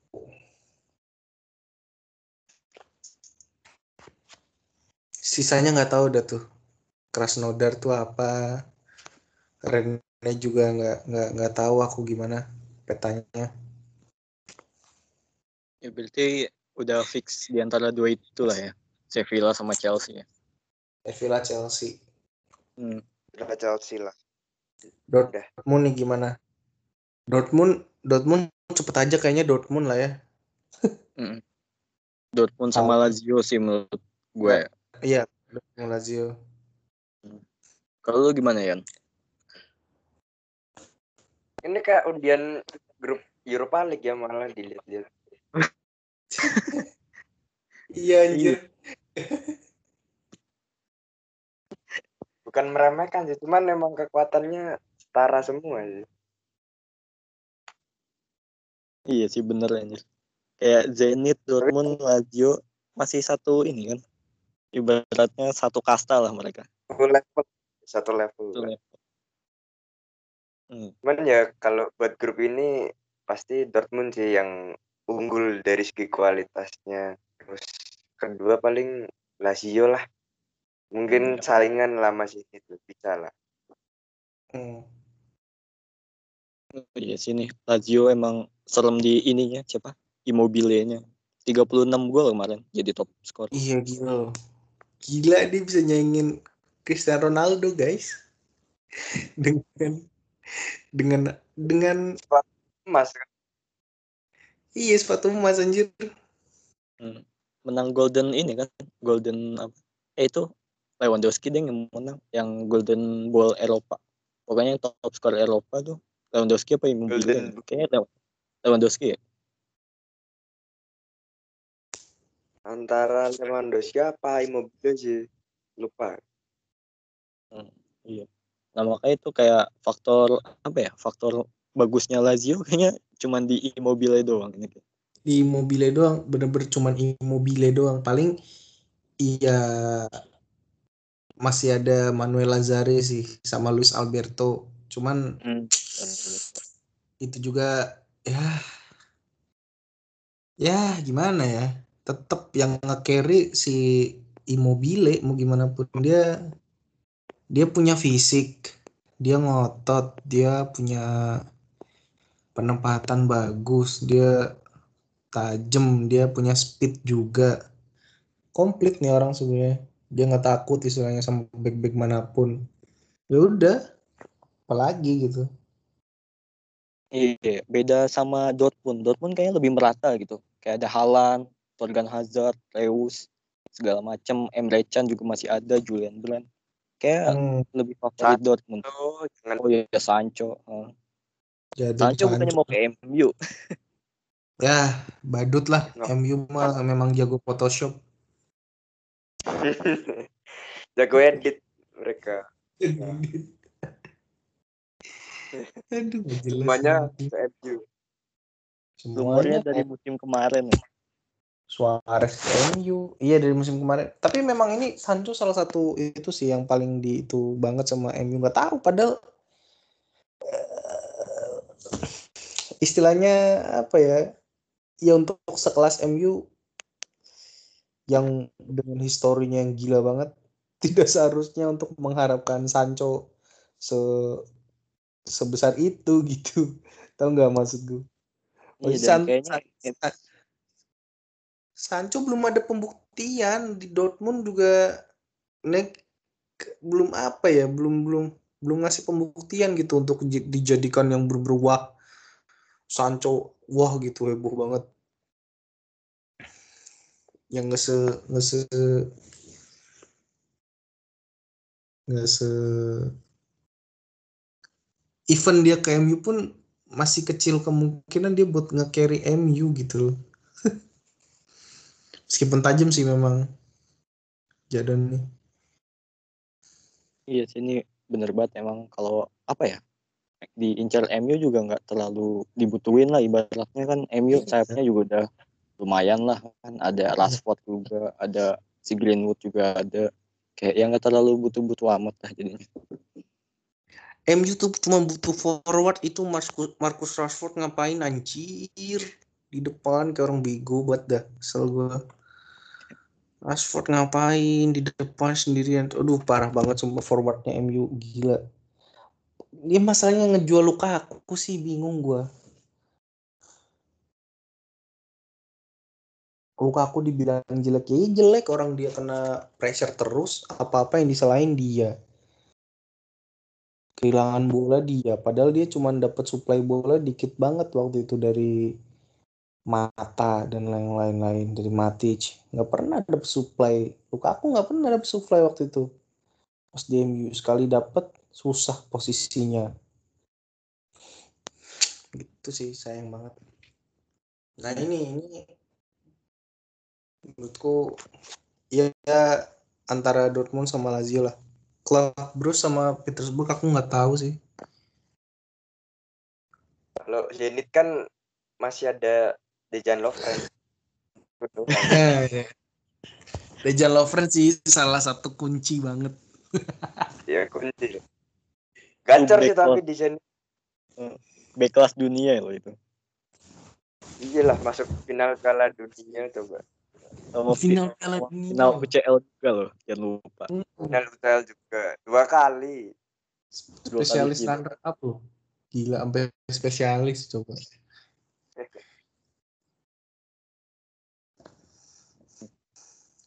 Tapi sebenarnya Lovren gak buruk-buruk amat sih Lovren di Liverpool gak buruk-buruk. Cuman dia banyak bacot aja dia.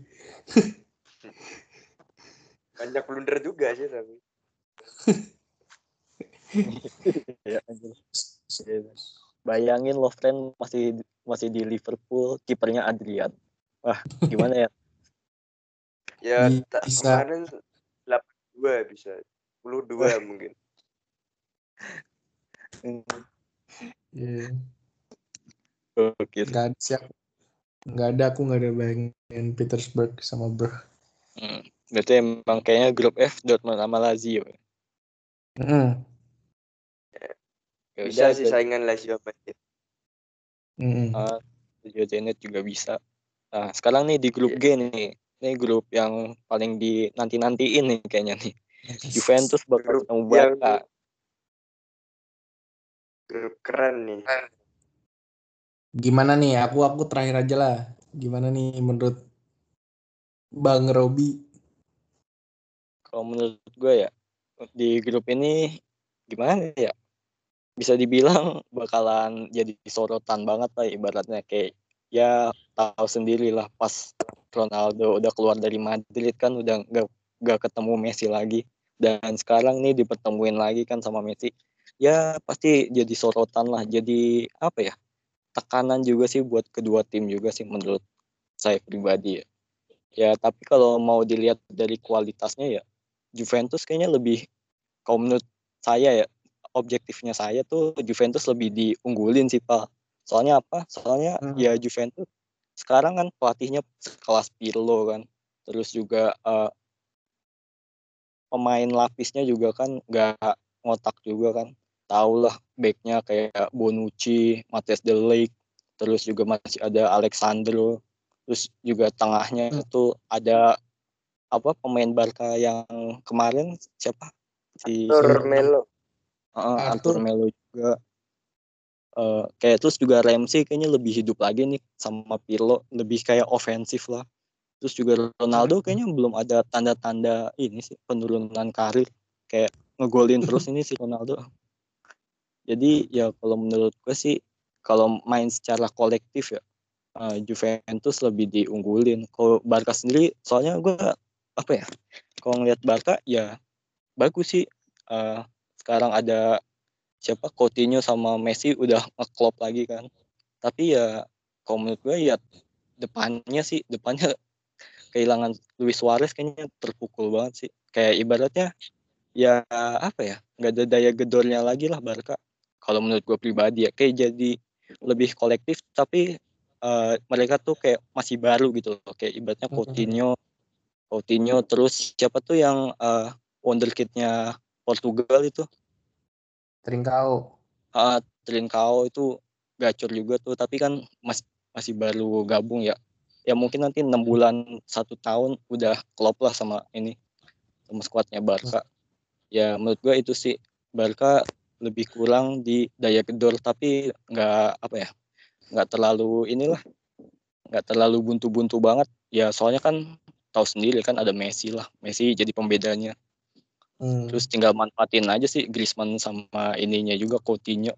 Udah sih menurut gue ya kalau diunggulin lebih unggul Juventus ya kalau kolektif. Tapi nggak tahu juga sih nanti ke depannya kayak gimana. Gitu sih kalau menurut gue. Ya, ya. Gimana nih dari Bang Frian?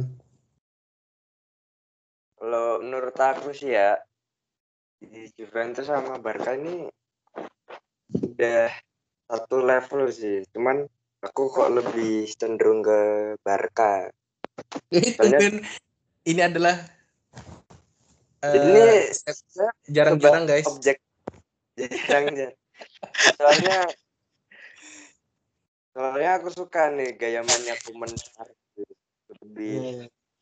di koleksi juga. Terus akhirnya kan Coutinho juga kepake kan di Barca jadi lebih bagus juga Barca. Lebih hidup juga serangannya kan dari Coutinho juga kepake Griezmann juga sekarang ada kontribusinya juga. Kemarin nggak ada tadi musim lalu sih masih kurang. Ketutup sama Suarez juga kan.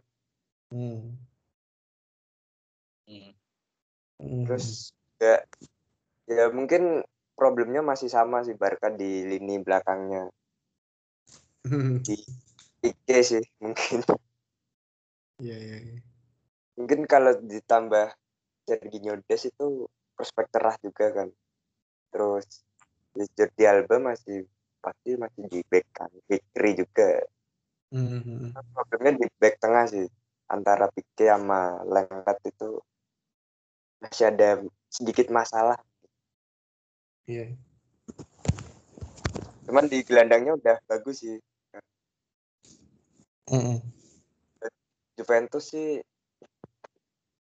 pelatihnya juga baru kan di Andrea Pirlo cuman masih kurang pengalaman sih menurutku buat bawa buat tim besar apalagi ada Ronaldo ya walaupun udah kebukti di beberapa match kemarin masih performanya masih bagus kan juga cuman kalau di grup ini lebih cenderung ke Barca sedikit ya buat jadi juara grup Soalnya yeah. mereka juga nggak punya striker murni kan selain Ronaldo. Ronaldo juga istilahnya permain versatile. Iya iya iya. Kan oh lupa sih tapi ada Morata ya. Cuman Morata belum bisa diandelin anjir. Di Atletico juga nggak bagus-bagus amat. Butuh hmm. sosok seperti siapa ya dulu di Juve ya Carlos Tevez sih paling enggak yang akselerasinya juga bagus kalau di belakang sih Juve lebih unggul ya cara ada duo Chiellini sama Bonucci belum lagi ada The Light sama Merih Demiral itu hmm. kan dari segi permainan kayaknya Barca lebih unggul sih. Cuman yang untuk grup ini yang saya nanti nantikan cuman duelnya Messi sama Ronaldo. Udah itu aja mungkin. Gimana Iya. Nopal dekul. Dekul. Menurutku ya, ini susah banget sih. Aku juga secara objektif, Barca memang eh, forwardnya masih kacau banget sih. Forwardnya masih kacau karena ya balik lagi, aku kan bilang ya, Tiki Taka ini menurutku butuh. Mungkin banyak orang bilang false nine better ya. Cuman menurutku balik lagi untuk Tiki Taka nih butuh banget sosok forward yang bener forward murni gitu. Nggak bisa buat apa namanya false nine tuh susah gitu. Tapi forward yang yang bisa lari kayak Suarez gitu misalkan Firmino gitu gitu jatuhnya false nine cuman cuman kalau di Firmino ya jatuhnya false nine. Kalau di Suarez kan jatuhnya forward kan tapi dia bisa lari gitu istilahnya. Itu jadi masih permasalahan karena nggak bisa ngandelin Messi buat jadi forward tuh nggak bisa. Messi tuh dia nggak punya body percuma. Dia cuma punya tembakan. Dia nggak bisa nyundul gitu kan. Susah. Nah itu di Barcelona. Kalau di di Juventus ya kan jadi Real Madrid kan soalnya memang skuadnya bintang banget sih ini Juventus. Serem banget guys. Ini ya ampun. Ronaldo tambahan Morata ya kan bisa nyundul terus belakangnya Jadi ada Ligt. Mat, Mat- Matias De Ligt, ada Celini masih main. Terus eh, Bonucci masih main. Kuncinya yang menurutku sih yang unik nih sebenarnya di Biot. Cuman kemarin kan tapi kemarin pas lawan Napoli juga belum karena menang WO kan. Jadi belum belum terlihat gitu. Ini sebenarnya kuncinya di Rabiot sih. Dia temponya tuh sebenarnya ada di Rabiot. Dia CMF macam Toni Kroos gitu. Dia bisa bisa passing and passingnya bagus. Dia bisa keep the ball ngalirin bola. Aaron Ramsey juga sekarang perannya lebih ke depan. Dulu kan lebih ke bertahan kan ngebantu Pjanic gitu rolling nah sekarang dia bisa ke depan gitu fokus. Kadang juga Adrian diganti Bentancur. Terus eh ya Dybala juga Dybala nih ya sosok lah dia. Kadang main bagus kadang enggak gitu kan. Ronaldo juga masih stabil. Dan si siapa tuh? Kulusevski itu ya? Iya pemain baru. ah itu itu aku belum ngeliat sih gimana dia itunya hmm, cara mainnya gimana aku belum lihat sih jujur. Tapi yang jelas kalau tidak ada halangan ya se- sebenarnya Barca bagus tengahnya. Kemungkinan besar tengahnya bisa dimenangin Barca. Karena Coutinho nih wah taruh di AMF gila banget sih. Emang kemarin aja nyetak satu gol kan. Dia memang aduh tajam Iya. banget kalau di AMF cuman permasalahannya sayapnya ini loh masih belum ketemu. Trincao menurutku masih underperform lah. Trincao bagus. Sebelum didatangin ke Barca bagus cuman ini kemarin main tiga kali partai sih masih underperform. Si siapa? Pedri juga belum belum apa jauh banget lah untuk gantiin Coutinho. Mungkin mungkin yang jadi pembeda juga si Pjanic. Dia wah gila banget sih. Dia bisa gantiin bisa gantiin Busquets banget sih seharusnya. Dia punya timing yang bagus dia punya end passing yang bagus dia punya dia bisa kontrol bisa bisa kontrol dia bisa dia bisa transisinya bagus. Kemarin main bagus banget si Pjanic. De Jong. De Jong juga dia punya timing dia dia bisa dia nggak punya speed. Dia nggak punya speed tapi dia punya timing yang bagus banget gila banget dan dia bisa melakukan itu tanpa melakukan pelanggaran aja gitu. Jadi untuk seorang defense midfielder bagus banget lah diduetin sama Pjanic. Aku sih harap berharapnya bakal diduetin sama Pjanic ya. Kemungkinan tapi aku masih bingung ini gimana ya. Karena fullbacknya tuh aduh parah banget. Tapi yang jelas kalau misalkan Lenglet masih main sama Pique sih seharusnya bola-bola atasnya Juve paling tidak bisa ya 60 40 lah. Masih dipegang Juve tetap karena ada Morata sama Juventus eh, Morata sama Ronaldo. Tapi paling tidak si Pique sama si Lenglet ini masih bisa nyundul lah istilahnya. Tinggal Sergio Des nih gimana nih bisa ganti Roberto apa enggak. Kemarin main sih nggak di posisi terbaiknya ya di back kiri gantiin Alba harusnya kan dia gantiin si Roberto jadi dia belum belum perform lah. Nah ini tinggal di masalah forward sih. Griezmann masanya ditaruh di sayap.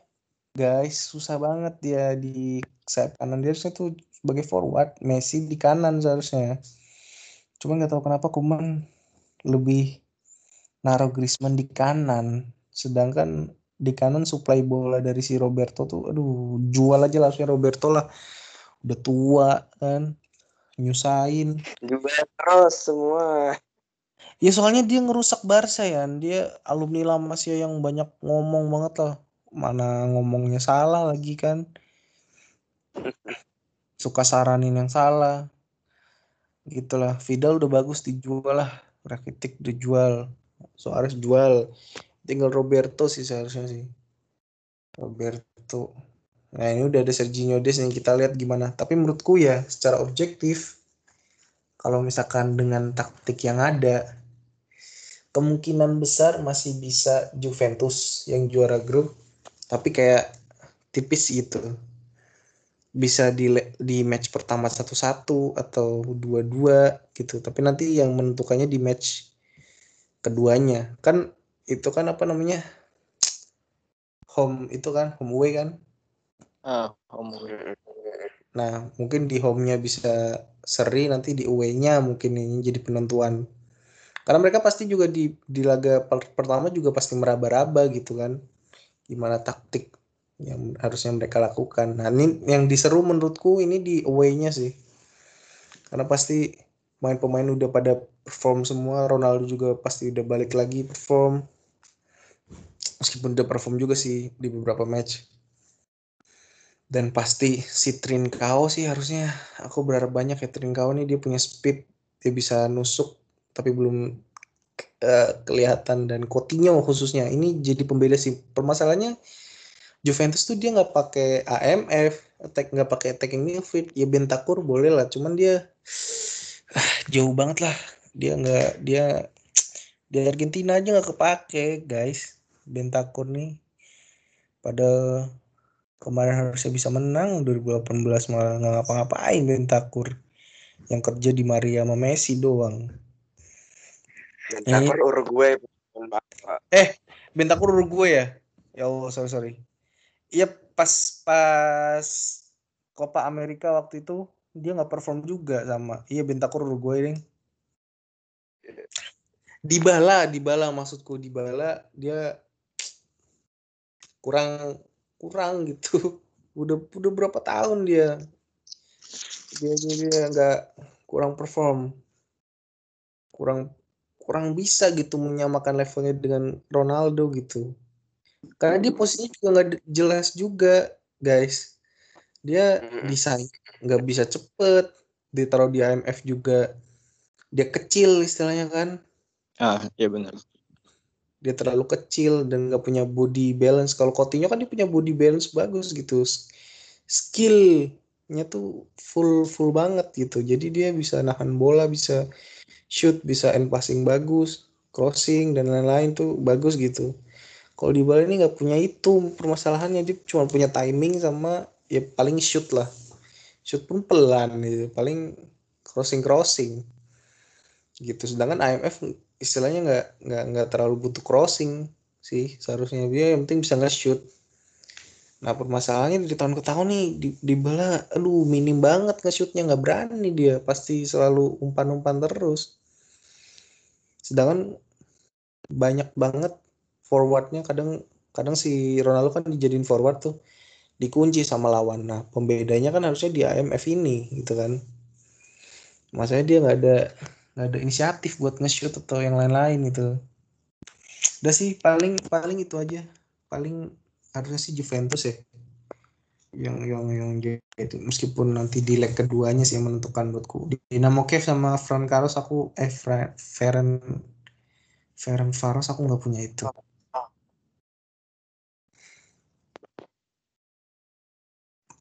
Nah gimana nih PSG, MU, Leipzig, sama Istanbul, grup H. Ah, Yan. Nerakan. Ah, ini neraka nih. Yang jago Leipzig sama PSG kan? Yang jago sih Anda Leipzig sama Istanbul sih. Anda langsung to the point. Gimana nih gimana gimana? Gimana nih? Siapa dulu nih? Siapa? Bebas lah. Aku dulu ya. Ya, gimana Pak? Menurut sepengamatan lu nih siapa nih yang bakal merajai grup H nih, grup neraka? Ini gue greget banget sumpah. Ini ini gimana ya MU? MU masalahnya dia goblok ngapain beli Van de Beek sih bingung gue. Aduh. Van de Beek tuh kenapa media terlalu membesar-besarkan ya Van de Beek padahal biasa aja gitu permainannya. Ya layaknya attacking midfielder biasa gitu tau nggak? Bahkan bagus ya nggak bisa dibilang juga bagusan Bruno Fernandes sih cuman maksudnya biasa aja gitu kenapa gak ngebeli yang bagus kalian gitu yang mahal sekalian mau aduh Van de Beek di Liga Belanda aja cuman nyetak berapa gol guys? Seharusnya bisa lebih dari itu. Padahal dia main di farm farm league gitu ya farming league gitu kan. Nah ini menurutku ya udah pasti PSG sih yang jadi itunya. Dulu aduh udah pasti banget lah. Dia dia nggak ada nggak ada nggak ada apa ya nggak ada cacatnya. PSG tuh gimana ya, bingung. Kayak Bayern Munchen jatuhnya kalau misalkan ketemunya tim kayak gini. Depan Mbappe Neymar Icardi. Udah jelas. Tengah Verratti. Di Maria Sarabia Ender Herrera ada. Opsinya banyak. Tapi Ender Herrera tuh jelek sih. Jual aja lah. Harus. Jual terus. Jual Enggak. terus, Pak. menurut menurutku ya kemarin kalah itu gara-gara Ender Herrera tuh bego banget mainnya. Dia udah tahu CMF yang seharusnya CMF yang lebih attacking kayak Iniesta tapi dia malah jaga kedalaman. Padahal Munchen mainnya waktu itu apa namanya lebih ke belakang gitu kan terbukti beberapa kali hampir hampir hampir ngejebol kan tapi Herrera nggak ada inisiatif. Gitu. Terus apalagi ya? Nah ini tinggal back nih Tiag- apa si si si. Tapi Kehrer juga udah kuat sih. Kehrer Kipembe Marquinhos Bernat tuh udah kuat sih seharusnya. Tinggal beli kiper aja sih. Kipernya kipernya siapa sih? PSG tuh lupa aku. Keylor Navas. Elor Navas. Ayo Keller Nafas nih. Udah bagus, udah bagus. Itu sih ini kalau menurut gue tidak perlu didebatkan lagi ya, tidak ada hal yang bisa menjatuhkan PSG sepertinya selain Covid ya seharusnya. Ini tinggal perebutan aja sih MU sama Leipzig. Permasalahannya Leipzig nih dia dia dia kehilangan banyak pemain udah pasti. Bah, ke kehilangan Timo Werner sih gila banget sih dampaknya. Cuman ya dia masih punya bagus, dia punya Paulsen, dia punya Tamekano ada tuh. Terus dia punya Sabitzer. Hmm, Sabitzer. Sabitzer main bagus. Meskipun tidak tapi dia dia tidak tidak berpengaruh gede banget, cuman dia punya punya keeping the ball-nya bagus lah. Terus kadang juga Jose Angel juga, juga bagus lumayan. Olmo juga main bagus. Dan jangan lupa ini yang masih bisa berkembang sih Emil Forsberg ya. Oh iya, Forsberg tuh. Forsberg masih bagus guys, lumayan. Dia dia masih bisa berkembang berkembang lagi lah si Emil Forsberg nih. Ya mungkin kemarin karena itu aja sih apa namanya ke kalah saing aja gitu sama sama si Timo Werner lah siapa lagi? Mil Forsberg dia dia untuk seorang forward 28 tahun sih dia masih masih lumayan lah. Masih bisa beberapa tahun lagi soalnya untuk main. Itu sih tapi secara overall menurutku ya ya sorry to say lah MU kayaknya nggak lolos sih kayaknya kalau ngeliat dari beberapa match terakhir mainnya kayak gitu kedalaman squadnya jelek banget DG juga nggak perform kan. Aduh susah kayaknya. Eh, habis gimana Pogba juga kayak udah nggak ada gairahnya gitu buat main. Susah kalau pemain udah udah nggak ada gairah buat main tuh. Oli juga kayak kena pressure terus ya kan ya paling Oh. antara PSG sama Leipzig sih Iya sih. Kalau menurutmu gimana ya ini peluang di grup neraka ini, grup H ya? Iya grup. Menurutku sih, wah, aduh pengen ngomongin MU cuman udah diomongin semua sama Nopal di yang jelek-jeleknya. Yang bagus-bagusnya dong. Terus bagusnya dong Bagusnya apa? Bagus tuh perbannya doang sih. Cuman ya mereka akhir-akhirnya juga underperform. Waktu di episode pertama kan aku kan bilang MU harus cari tandem Lindelof. Ternyata salah ya. Harus cari back lagi dua ternyata. harus diganti semua.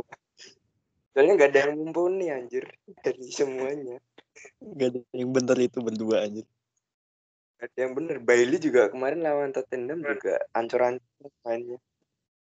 Nah, makanya itu. Emang harus kudu itu beli back kan ya. Iya. Ya, kemarin katanya mau beli Upamecano kan. Hmm. Kayaknya nggak Iya, bakal mau juga. udah dibilang MU tuh jago Photoshop udah lah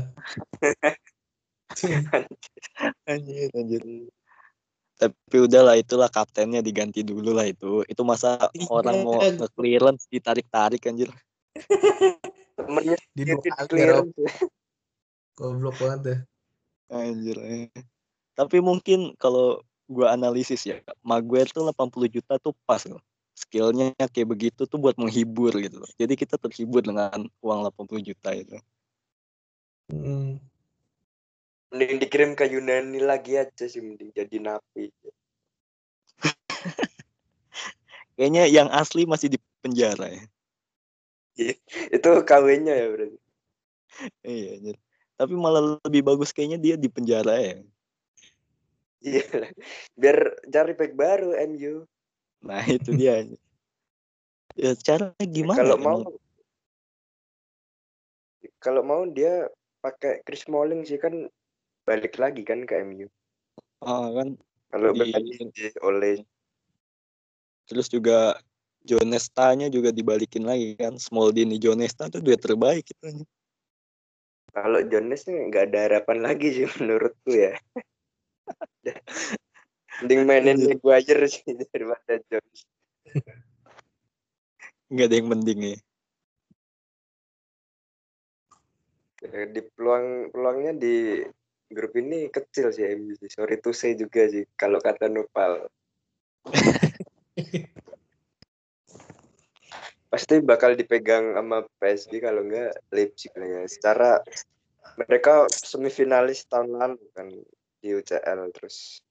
ya gimana ya masalahnya paling enggak kalau sebagai pengamat seperti ini tuh paling enggak secara gambaran besarnya eh gambaran kecilnya aja deh punya satu lini yang kuat gitu. Ini bahkan back termahal aja kayak gitu mainnya anjir. Gimana coba? Harry Maguire nggak bisa diandelin. Kapten padahal dia. kapten padahal. Nggak tahu ya kalau misalkan ke depannya bisa bagus sih. Ya ada harapan tidak kebobolan lah bisa menang lewat gol gol nemu atau gol bunuh diri gitu kan MU ini masanya backnya kayak gitu gimana? Atau mungkin pilarnya PSG sama Leipzig cedera semua lah itu masih ada kemungkinan. itu sih mungkin Up- Upamecano kena covid mungkin ya kan. Tuh. Ya Neymar sama Mbappe lagi mabuk juga kan siapa tahu. ya. Icardi selingkuh lagi kan ya nggak bisa itu nggak bisa. Dia kan Masuk akal sih masuk akal. bisa. Gitu. Tapi tetap tetap bagus sih tetap tetap kalah. Ada ada ada Verratti juga susah ngelewatinnya. MU Masih ada Marquinhos juga. kakinya sih tetap harus semuanya kena masalah lah kalau misalkan mau geser PSG gitu. Anjir. susah banget cuma bener susah yang sesusah itu gitu loh masalahnya anjir. Tengahnya pun kayak gitu MU gimana mau menang coba? Pogba aduh nggak banget Matik udah lambat banget anjir. Fred. Fred juga sama dengkulnya Upamecano tinggian dengkulnya Upamecano kan? Anjir. susah. Gitu nah gimana nih Rob menurut lu Rob MU PSG Leipzig Kalau menurut gue ya, ya bener sih kata lu Pal. MU ya udah nggak ada peluang lagi. Bukan nggak ada peluang lagi. Ya Hmm. emang harus nunggu apa tim-tim lain underperform sih. Secara ya MU ya lu tahu sendirilah di IPL aja kan mereka udah kebobolan 11 gol. Padahal baru tiga laga anjir udah kebobolan 11 gol. Kayak apa ya? Ya membuktikan pertahanan mereka emang lagi lawak banget gitu. Mau kipernya De Gea sekalipun juga ya lagi underperform lah ibaratnya. Ini kayak bukan masalah pemain sama apanya ya. Kayaknya Ole ini terlalu miskin taktik nih menurut gua. Kayak Hmm. kemarin aja kan yang Martial kartu merah yang dimasukin Fred anjir. Apa coba motivasinya anjir. Yang ditarik Bruno juga. Nah itu yang ditarik Bruno anjir motivasinya apa gitu loh. Ya apa ya jadinya kayak nggak kayak Zidane, nggak kayak Arteta, nggak kayak Pep gitu yang tiba-tiba di tengah jalan Hmm. ganti taktik. Kalau si Ole tuh apa ya, terlalu mengandalkan pemainnya lah ibaratnya individual Statis. player banget. Is, eh. Iya bener kayak gitu sih. Jadi kalau mau ngelihat peluangnya sih ya gue lebih prefer di Leipzig sama PSG sih. Secara Leipzig juga kan pelatihnya pelatih terkenal kan Julian Nagelsmann yang pernah bawa Hoffenheim dari antah berantah tuh tiba-tiba masuk UCL eh masuk empat besar kalau nggak salah ya. pernah ini. yang pokoknya pelatihnya kelas inilah pelatihnya udah teruji lah ya kita lihat aja sih nanti MU gimana tuh ngelawan si Leipzig dulu dah jangan lawan PSG dulu. Kalau PSG mah ya udah. iya sih. Kalau menurut gue itu sih bang. Mm-mm.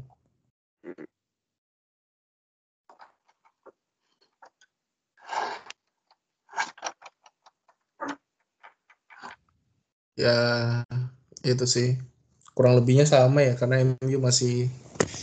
Sebenarnya kenapa kita, menurut gua kenapa menarik, paling menarik bahas MU karena ini tim sejarahnya tuh gede banget aja gitu. Gede banget ya kan. Tapi mereka di posisi yang tidak seharusnya gitu loh. Sama kayak Liverpool. Bahasnya kan tadi lumayan panjang tuh di Liverpool karena ini tim punya dua sejarah. Dua-duanya punya sejarah yang besar banget di champion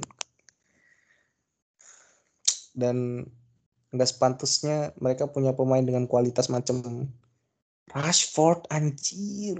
Rashford dijadiin aduh bingung gua.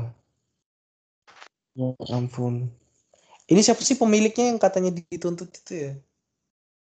oh ini coba Ed Woodward Ya, Ed Woodward itu kan katanya, aduh brengsek juga lah sama kayak si Bartomeu itu. Sumpah katanya Mancunian juga pengen cepet-cepet diganti kan itu si Wood at siapa? Woodward. Mm -mm. Woodward.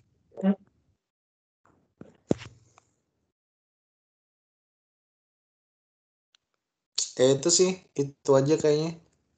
Kalau dari aku sebagai tamu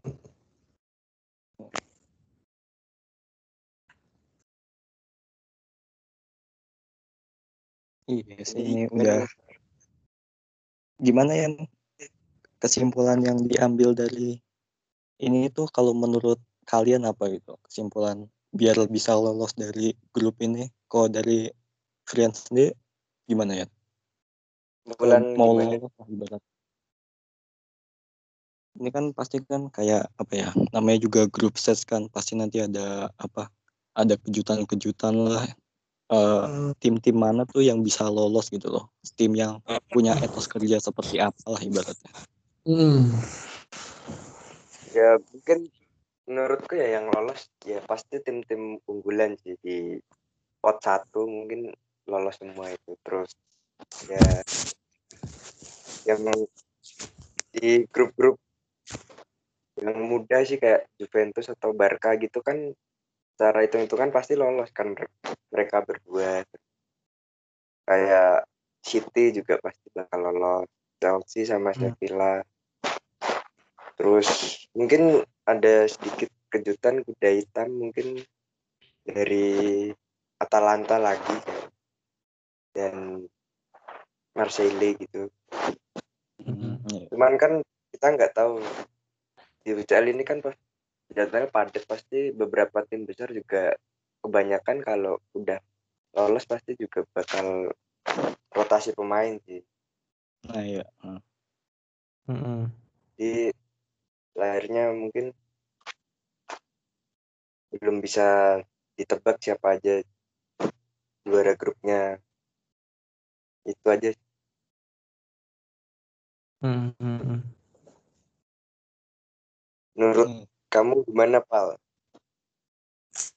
Menurutku ya dengan situasi seperti ini dengan dengan eh, klub-klub besar juga sebenarnya belum menemukan performnya seharusnya ini ada kesempatan buat tim-tim kecil sih. Ya meskipun tim kecil juga belum ketemu performnya juga gitu. Tapi paling nggak ini kan sebenarnya di posisi yang sama semua kan. Tinggal bagaimana mereka bermain cerdas. Bermain cerdas tuh gimana? Dengan memanfaatkan sebaik-baiknya melawan tim yang lebih kecil dari mereka gitu istilahnya. Dan bisa menahan imbang. Paling tidak imbang gitu melawan tim yang di atas mereka. Yang grup kayak kayak di beberapa grup ya. Kalau misalkan kayak Juventus Barca itu kan udah pasti udah pasti kayaknya dua-duanya itu juara kan contohnya kayak di PSG di grup di grup terakhir di grup H. PSG MU si siapa? Leipzig. Satunya kan nggak terkenal tuh udah pasti udah pasti susah gitu. Nah MU ini masih bisa juara kalau secara hitung-hitungan dia bisa nahan imbang PSG dia bisa menang melawan Leipzig. Dia bisa menang melawan yang tadi klub yang ketiga tadi. Kayak gitu sih.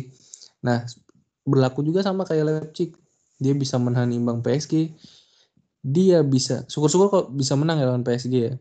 Terus dia bisa menang melawan MU dia bisa menang lawan it, lawan tim yang itu. Pokoknya dia bisa memanfaatkan apa ya home away ini dengan baik gitu. At least bisa nahan tim yang di atas mereka dan bisa harus wajib menang melawan tim yang sekiranya sel- selevel sama mereka atau di bawah mereka gitu. Nah, untuk yang di untuk yang tidak terkenal kayak yang di grup H ini yang yang yang bareng sama MU PSG sama Leipzig ini siapa sih tadi? Si Istanbul. Istanbul. Ini ya paling nggak bisa menang tipis ngelawan klub yang satu level yang sa- di atas satu level lah. Kalau PSG kan dua level di atas mereka. Kalau MU kan di satu level lah. Paling nggak itu mereka bisa menang lah, menang tipis, paling nggak nyolong poin. Sama Leipzig juga bisa nyolong poin dan lawan PSG kalah mungkin dengan dengan gol yang tidak banyak gitu. Misalkan 2-1 gitu atau 3-1. Itu kan gol tandangnya kan masih diperhitungkan kan. Nah, nanti Ya. tinggal adu-aduan kalahnya aja nih misalkan lawan Evo. Soalnya kan ini PSG udah pasti menang istilahnya kan. Kita anggapnya seperti itu. Nah, misalkan skenario seperti itu ya nanti tinggal Istanbul bisa hitung-hitungan gol tandang atau gol kandang sama MU kalau nggak Leipzig. Gitu, head to headnya. Itu sih yang paling mungkin. Tapi ya secara overall seharusnya tim yang diunggulin tim yang diunggulin kecuali grup H ini sih harusnya bisa lolos mudah ya dua-duanya. Kayak Juventus Barca, Dortmund Lazio, Sevilla Chelsea, uh, City Porto, Liverpool Ajax, Real Madrid Inter sama Atletico Munchen. Itu aja sih kayaknya. Yang penting maksimalkan peluang aja sebisa mungkin kalau kalah nggak terlalu besar dan bisa menang melawan tim yang selevel sama mereka atau di atas mereka itu bisa kalah tipis gitu. Gitu sih. Kalau dariku. Kalau dari kamu gimana Rob? Hmm, kalau dariku ya uh, ini sih sama kayak Frian kayaknya yang urusan jadwal kompetisi. Secara jadwal kompetisi ngaruh banget ya. Kemarin aja tuh uh, ibaratnya PSG Munchen pokoknya yang liga-liga farming lah yang uh, kompetisinya sudah udah selesai duluan. Itu diuntungin banget loh.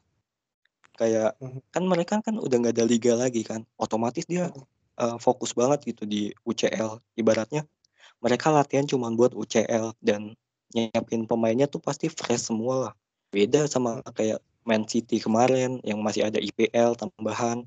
Terus uh, liga-liga liga-liga lain yang masih jalan Nah, yang mungkin yang lolos-lolos tuh yang apa ya, yang jadwalnya nggak terlalu padat lah, sama yang punya kedalaman squad yang bagus. Itu sih menurutku kayak apa ya, kayak City, terus kayak Bayern Munchen juga, ya yang pokoknya jadwalnya nggak terlalu padat, tapi mer atau mereka punya kedalaman squad yang bagus, jadi bisa rotasi di mana aja. Ya otomatis mereka kan bisa ngasih 100% lah di tiap laganya. Nggak kayak misal kayak Arsenal nih uh, kan kalau intinya kan Lacazette ini nanti lapisnya malah Nketiah kayak gitu. Ibaratnya lapisnya tuh jomplang banget lah ibaratnya kayak begitu. Nketiah itu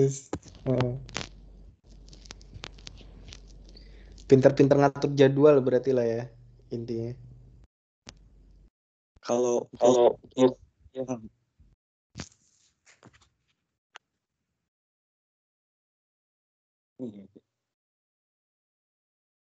Halo? Ya. Guys. Ya, uh, mungkin udah ya, udah cerita panjang lebar banget, udah bahas iya. segala macam dan Gila, podcast dua jam aja. Kenapa? Dua jam dua jam. Kelas Dedora iya. kalah cok. Anjir. Tuh nggak kerasa kan ya ngobrol-ngobrol udah dua iya. jam gitu. Ya mungkin buat Nopal sendiri kesan-kesannya apa apa diundang di podcast versatile podcast ver versatile. Itu seneng banget sih ya. Lebih ke arah ya memang ini istilahnya apa ya passion ya anjir. Passion buat ngebahas bola kayak gini aku seneng banget lah. Apalagi uh, bersama dengan dua orang teman baik uh, istilahnya gitu kan. Dan memang nyambung aja gitu karena kita suka bola kita juga sering di luar podcast ini suka ledek-ledekan tapi ledek-ledekannya santai gitu ya kan. Nggak ada no hard feeling lah. Dan di di, di diundang di podcast ini sangat sangat seneng sih ya karena bisa menuangkan menuangkan passion kita gitu. Apa dengan apa yang kita suka. Terus bahasanya pun tidak melulu soal IPL ada ini contohnya bahas UCL ya kan nah itu ya menurutku sangat sangat sangat menyenangkan lah. Apalagi ini pandemi kan kita kita dituntut untuk mengekspresikan semuanya gitu. Gitu sih. Seneng banget lah pokoknya seneng banget suatu kehormatan lah bisa hadir di versatile. Gitu. Mantap kali. Itu aja. Mana lagi? Rob? Ini udah ngantuk nih kayaknya Rob nih. Rob? Oh. Jangan udah Halo. tidur. Oh, belum. Oh enggak enggak, enggak santai anjir. Saya masih mengolah-ngolah apa yang tadi dibicarakan gitu. Ini kayaknya Oh. bagus untuk dijadikan konten-konten di IPL Insight lah. Ada insight-insight baru yang saya temukan Yes. dari bagai dari kayak gimana Kuman apa dengan ya taktik-taktik segala macam gitu menemukan format baru lah ibaratnya nanti. Sayang ini cuma ngebahas IPL ya, padahal kenapa nggak sepak bola inside gitu, football inside ya. Aduh, pengen banget gue sebenarnya Ya, gabung kalian. karena mau berkembang sih podcast ini jadi lebih universal. Iya, lebih universal dong, biar aku bisa ikut, sumpah.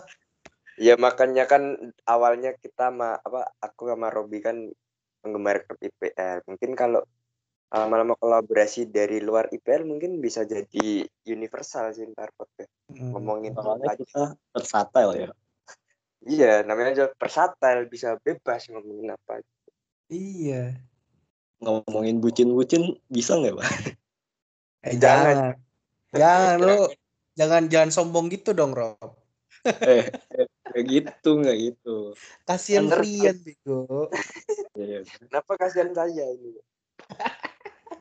Lo lo lo lo lo. Ya udah. Udah, udah ini udah melenceng Oh, ini ini- kayaknya. Ini di podcast ya. Ini kan kita nggak di-cut, jangan jangan. ya udah ya udah. Ya, Internal. berarti untuk episode episode 3 ini berarti harus pas di tiga jam atau gimana? ya? Jangan Iya. kelamaan Rob, gila lu ya. Kamu mau ngalahin jam game kepala lu anjir. Anjir nih dengerin. Ini masih 20 menit anjir. Janganlah, udahlah segini aja udah. Woi. Udah ya. Berarti Udah. segitu dulu ya. apa yang Terima kasih. Oh. Gimana Ini gimana? sampai record sih lu gue tonjok, Rob. Gue record udah santai. Lalu gimana lu? Kagak bisa ini pakai Anchor.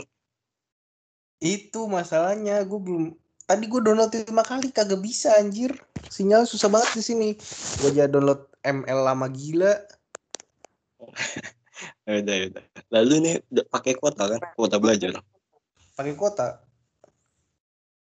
Ya ya udah. Mana mana.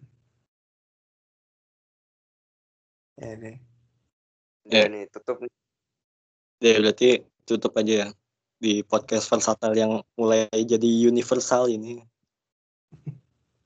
Jadi kita ganti bio nanti ini. Kayaknya ganti bio sih ya. Lebih ke, Bio. ke versatile universal aja. Biar Versatile insight bego Rob lebih keren Rob sumpah. Ini bosnya kan Frian. Oh iya iya. iya. ntar aturlah gampang lah. Di luar Oh. ini kita bicarakan lagi. Boleh Siap, boleh. Ini berarti ini nih. Nopal langsung masuk aja ya. Langsung masuk. Jadi pandit baru dia kayak. Yes, siap. Andit Baru. Mantap, mantap. Novalnus Laksana. Oh, itu bukan panutan saya itu, Pak. Itu mencemarkan fans Arsenal itu. Loh, dia malah fans Arsenal lagi Rob. Eh, kardus dia anjir. Ngatain orang Kardus. kardus. Banget itu kayak Dia tuh objektif. Objektif Tapi- dari mana anjir? Objektif dia. Eh, Gue setuju sama Ozil nggak dimainin kenapa? Terus kenapa si si siapa waktu itu yang disuruh mancing aja Matt Matt Inles apa ya kalau nggak salah Iya. itu ada beberapa lah karena dia ngelihat sisinya itu dari sisi sebagai pelatih gitu yang yang kita kita yang kita rasa nggak mungkin gitu sebagai penonton awam. Tapi memang sebenarnya gue gue kan juga atlet olahraga kan istilahnya dan gue juga punya coach. Nah beberapa beberapa opini yang dilemparkan si coach Justin ketika dia sebagai coach itu masuk banget gitu dan gue rasain itu ketika coach gue nge ngecoachin gue gitu. Kayak mental gitu-gitu makanan soal makanan terus no fisik gitu-gitu itu kan dan orang awam kan nggak tahu mental mental apa sih yang penting kan teknik teknik teknik gitu kan gitu menurut gue Iya. sih Gue udah lama gak nonton Coach Justin. Semenjak Ya, karena lu- apa ya? karena lu the Gunners Agak gue karena apa ya? Terlalu ini sih subjektif banget. Kalau udah ngomongin Mourinho pasti jelek-jelek mulu. Padahal pemainnya bagus. iya iya sih Hmm, Tapi nah, gue setuju, Rob. Kenapa ya? Gue setuju karena Mourinho tuh memang nggak bisa nyerang, Rob. eh, gak bisa nyerang aja 6-1 gimana ini?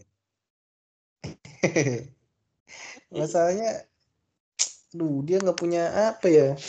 Kalau udah deadlock, deadlock gitu. Nggak ada, nggak ada opsi lain menurut gue kalau kalau si Mourinho nih. Dulu-dulu pas awal dia muncul, iya karena taktik seperti itu baru dia yang populerkan lah. Macam Atletico dulu pas pas awal-awal kan. Sekarang mah kan susah. Kalau home away masih bisa lah. Kalau satu match gitu kan susah buat ngandelin bertahan kayak gitu. Atletico aja kesusahan kemarin pas nggak main home away. Iya sih. Iya. Ya ada beberapa yang gue setuju yang enggak juga sih. Kayak Messi suruh cabut. Padahal Messi Messi tuh masih bisa banget tuh jadiin AMF meskipun childish gitu kan bahwa dia nggak harus jadi kak dia nggak nggak apa nggak wajib jadi kapten? Iya memang harus dicopot ban kaptennya karena dia nggak bisa jadi kapten. Tapi dia harus pindah ya enggak karena dia punya teknik dan kualitas gitu. Permasalahan di Barca kan Messi sentris gitu kan. Nah tinggal dikurangin aja porsinya Messi. Tapi Messi jangan cabut karena dia secara skill dan kualitas bagus banget.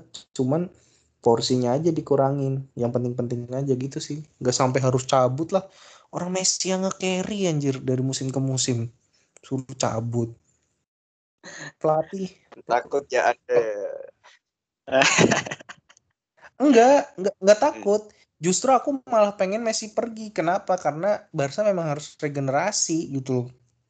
Cuman Udah, udah, permasalahannya aku aku melihat Messi sekarang tuh biasa aja gitu. Dari tahun ke tahun pun biasa aja karena aku cinta klubnya kan. Tidak cinta secara personalnya gitu. Aku suka filosofinya Barca bukan secara apa namanya bukan secara per personal lah gitu. Aku suka Messi iya suka Messi tapi nggak sampai harus Messi harus Messi. Enggak aku justru pengennya kolektif gitu kan secara permainan. Karena kan filosofinya tiki taka gitu kalau pindah pun ya nggak apa-apa bagus aja gitu jelek sekalian ya nggak apa-apa nggak masalah orang aku cinta klubnya tinggal nentuin tinggal nemuin lagi gimana the next Messi-nya kan tidak ada Coba. pemain yang lebih besar daripada klub kok Siap, siap. Ansu Fati ya, the next Messi. Ansu Fati sih harusnya bisa Ya udah. Dan nih udah 2 jam 44 menit penutup dah. Iya. Dah penutup deh. Gimana? Ya udah. Satu kata buat malam ini. Gimana Yan?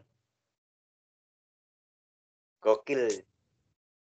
Al, Puas. kalau gue sendiri mantap dah. Saya Dah. baru Nah, itu dua kata. Udah udah. Oke. Yo, gitu ya.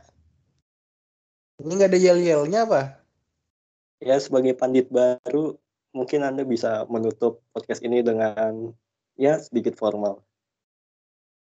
ya sebelumnya terima kasih ya sudah mengajak saya menjadi pandit baru di Versatile. Ini salah satu terobosan yang sangat luar biasa gitu.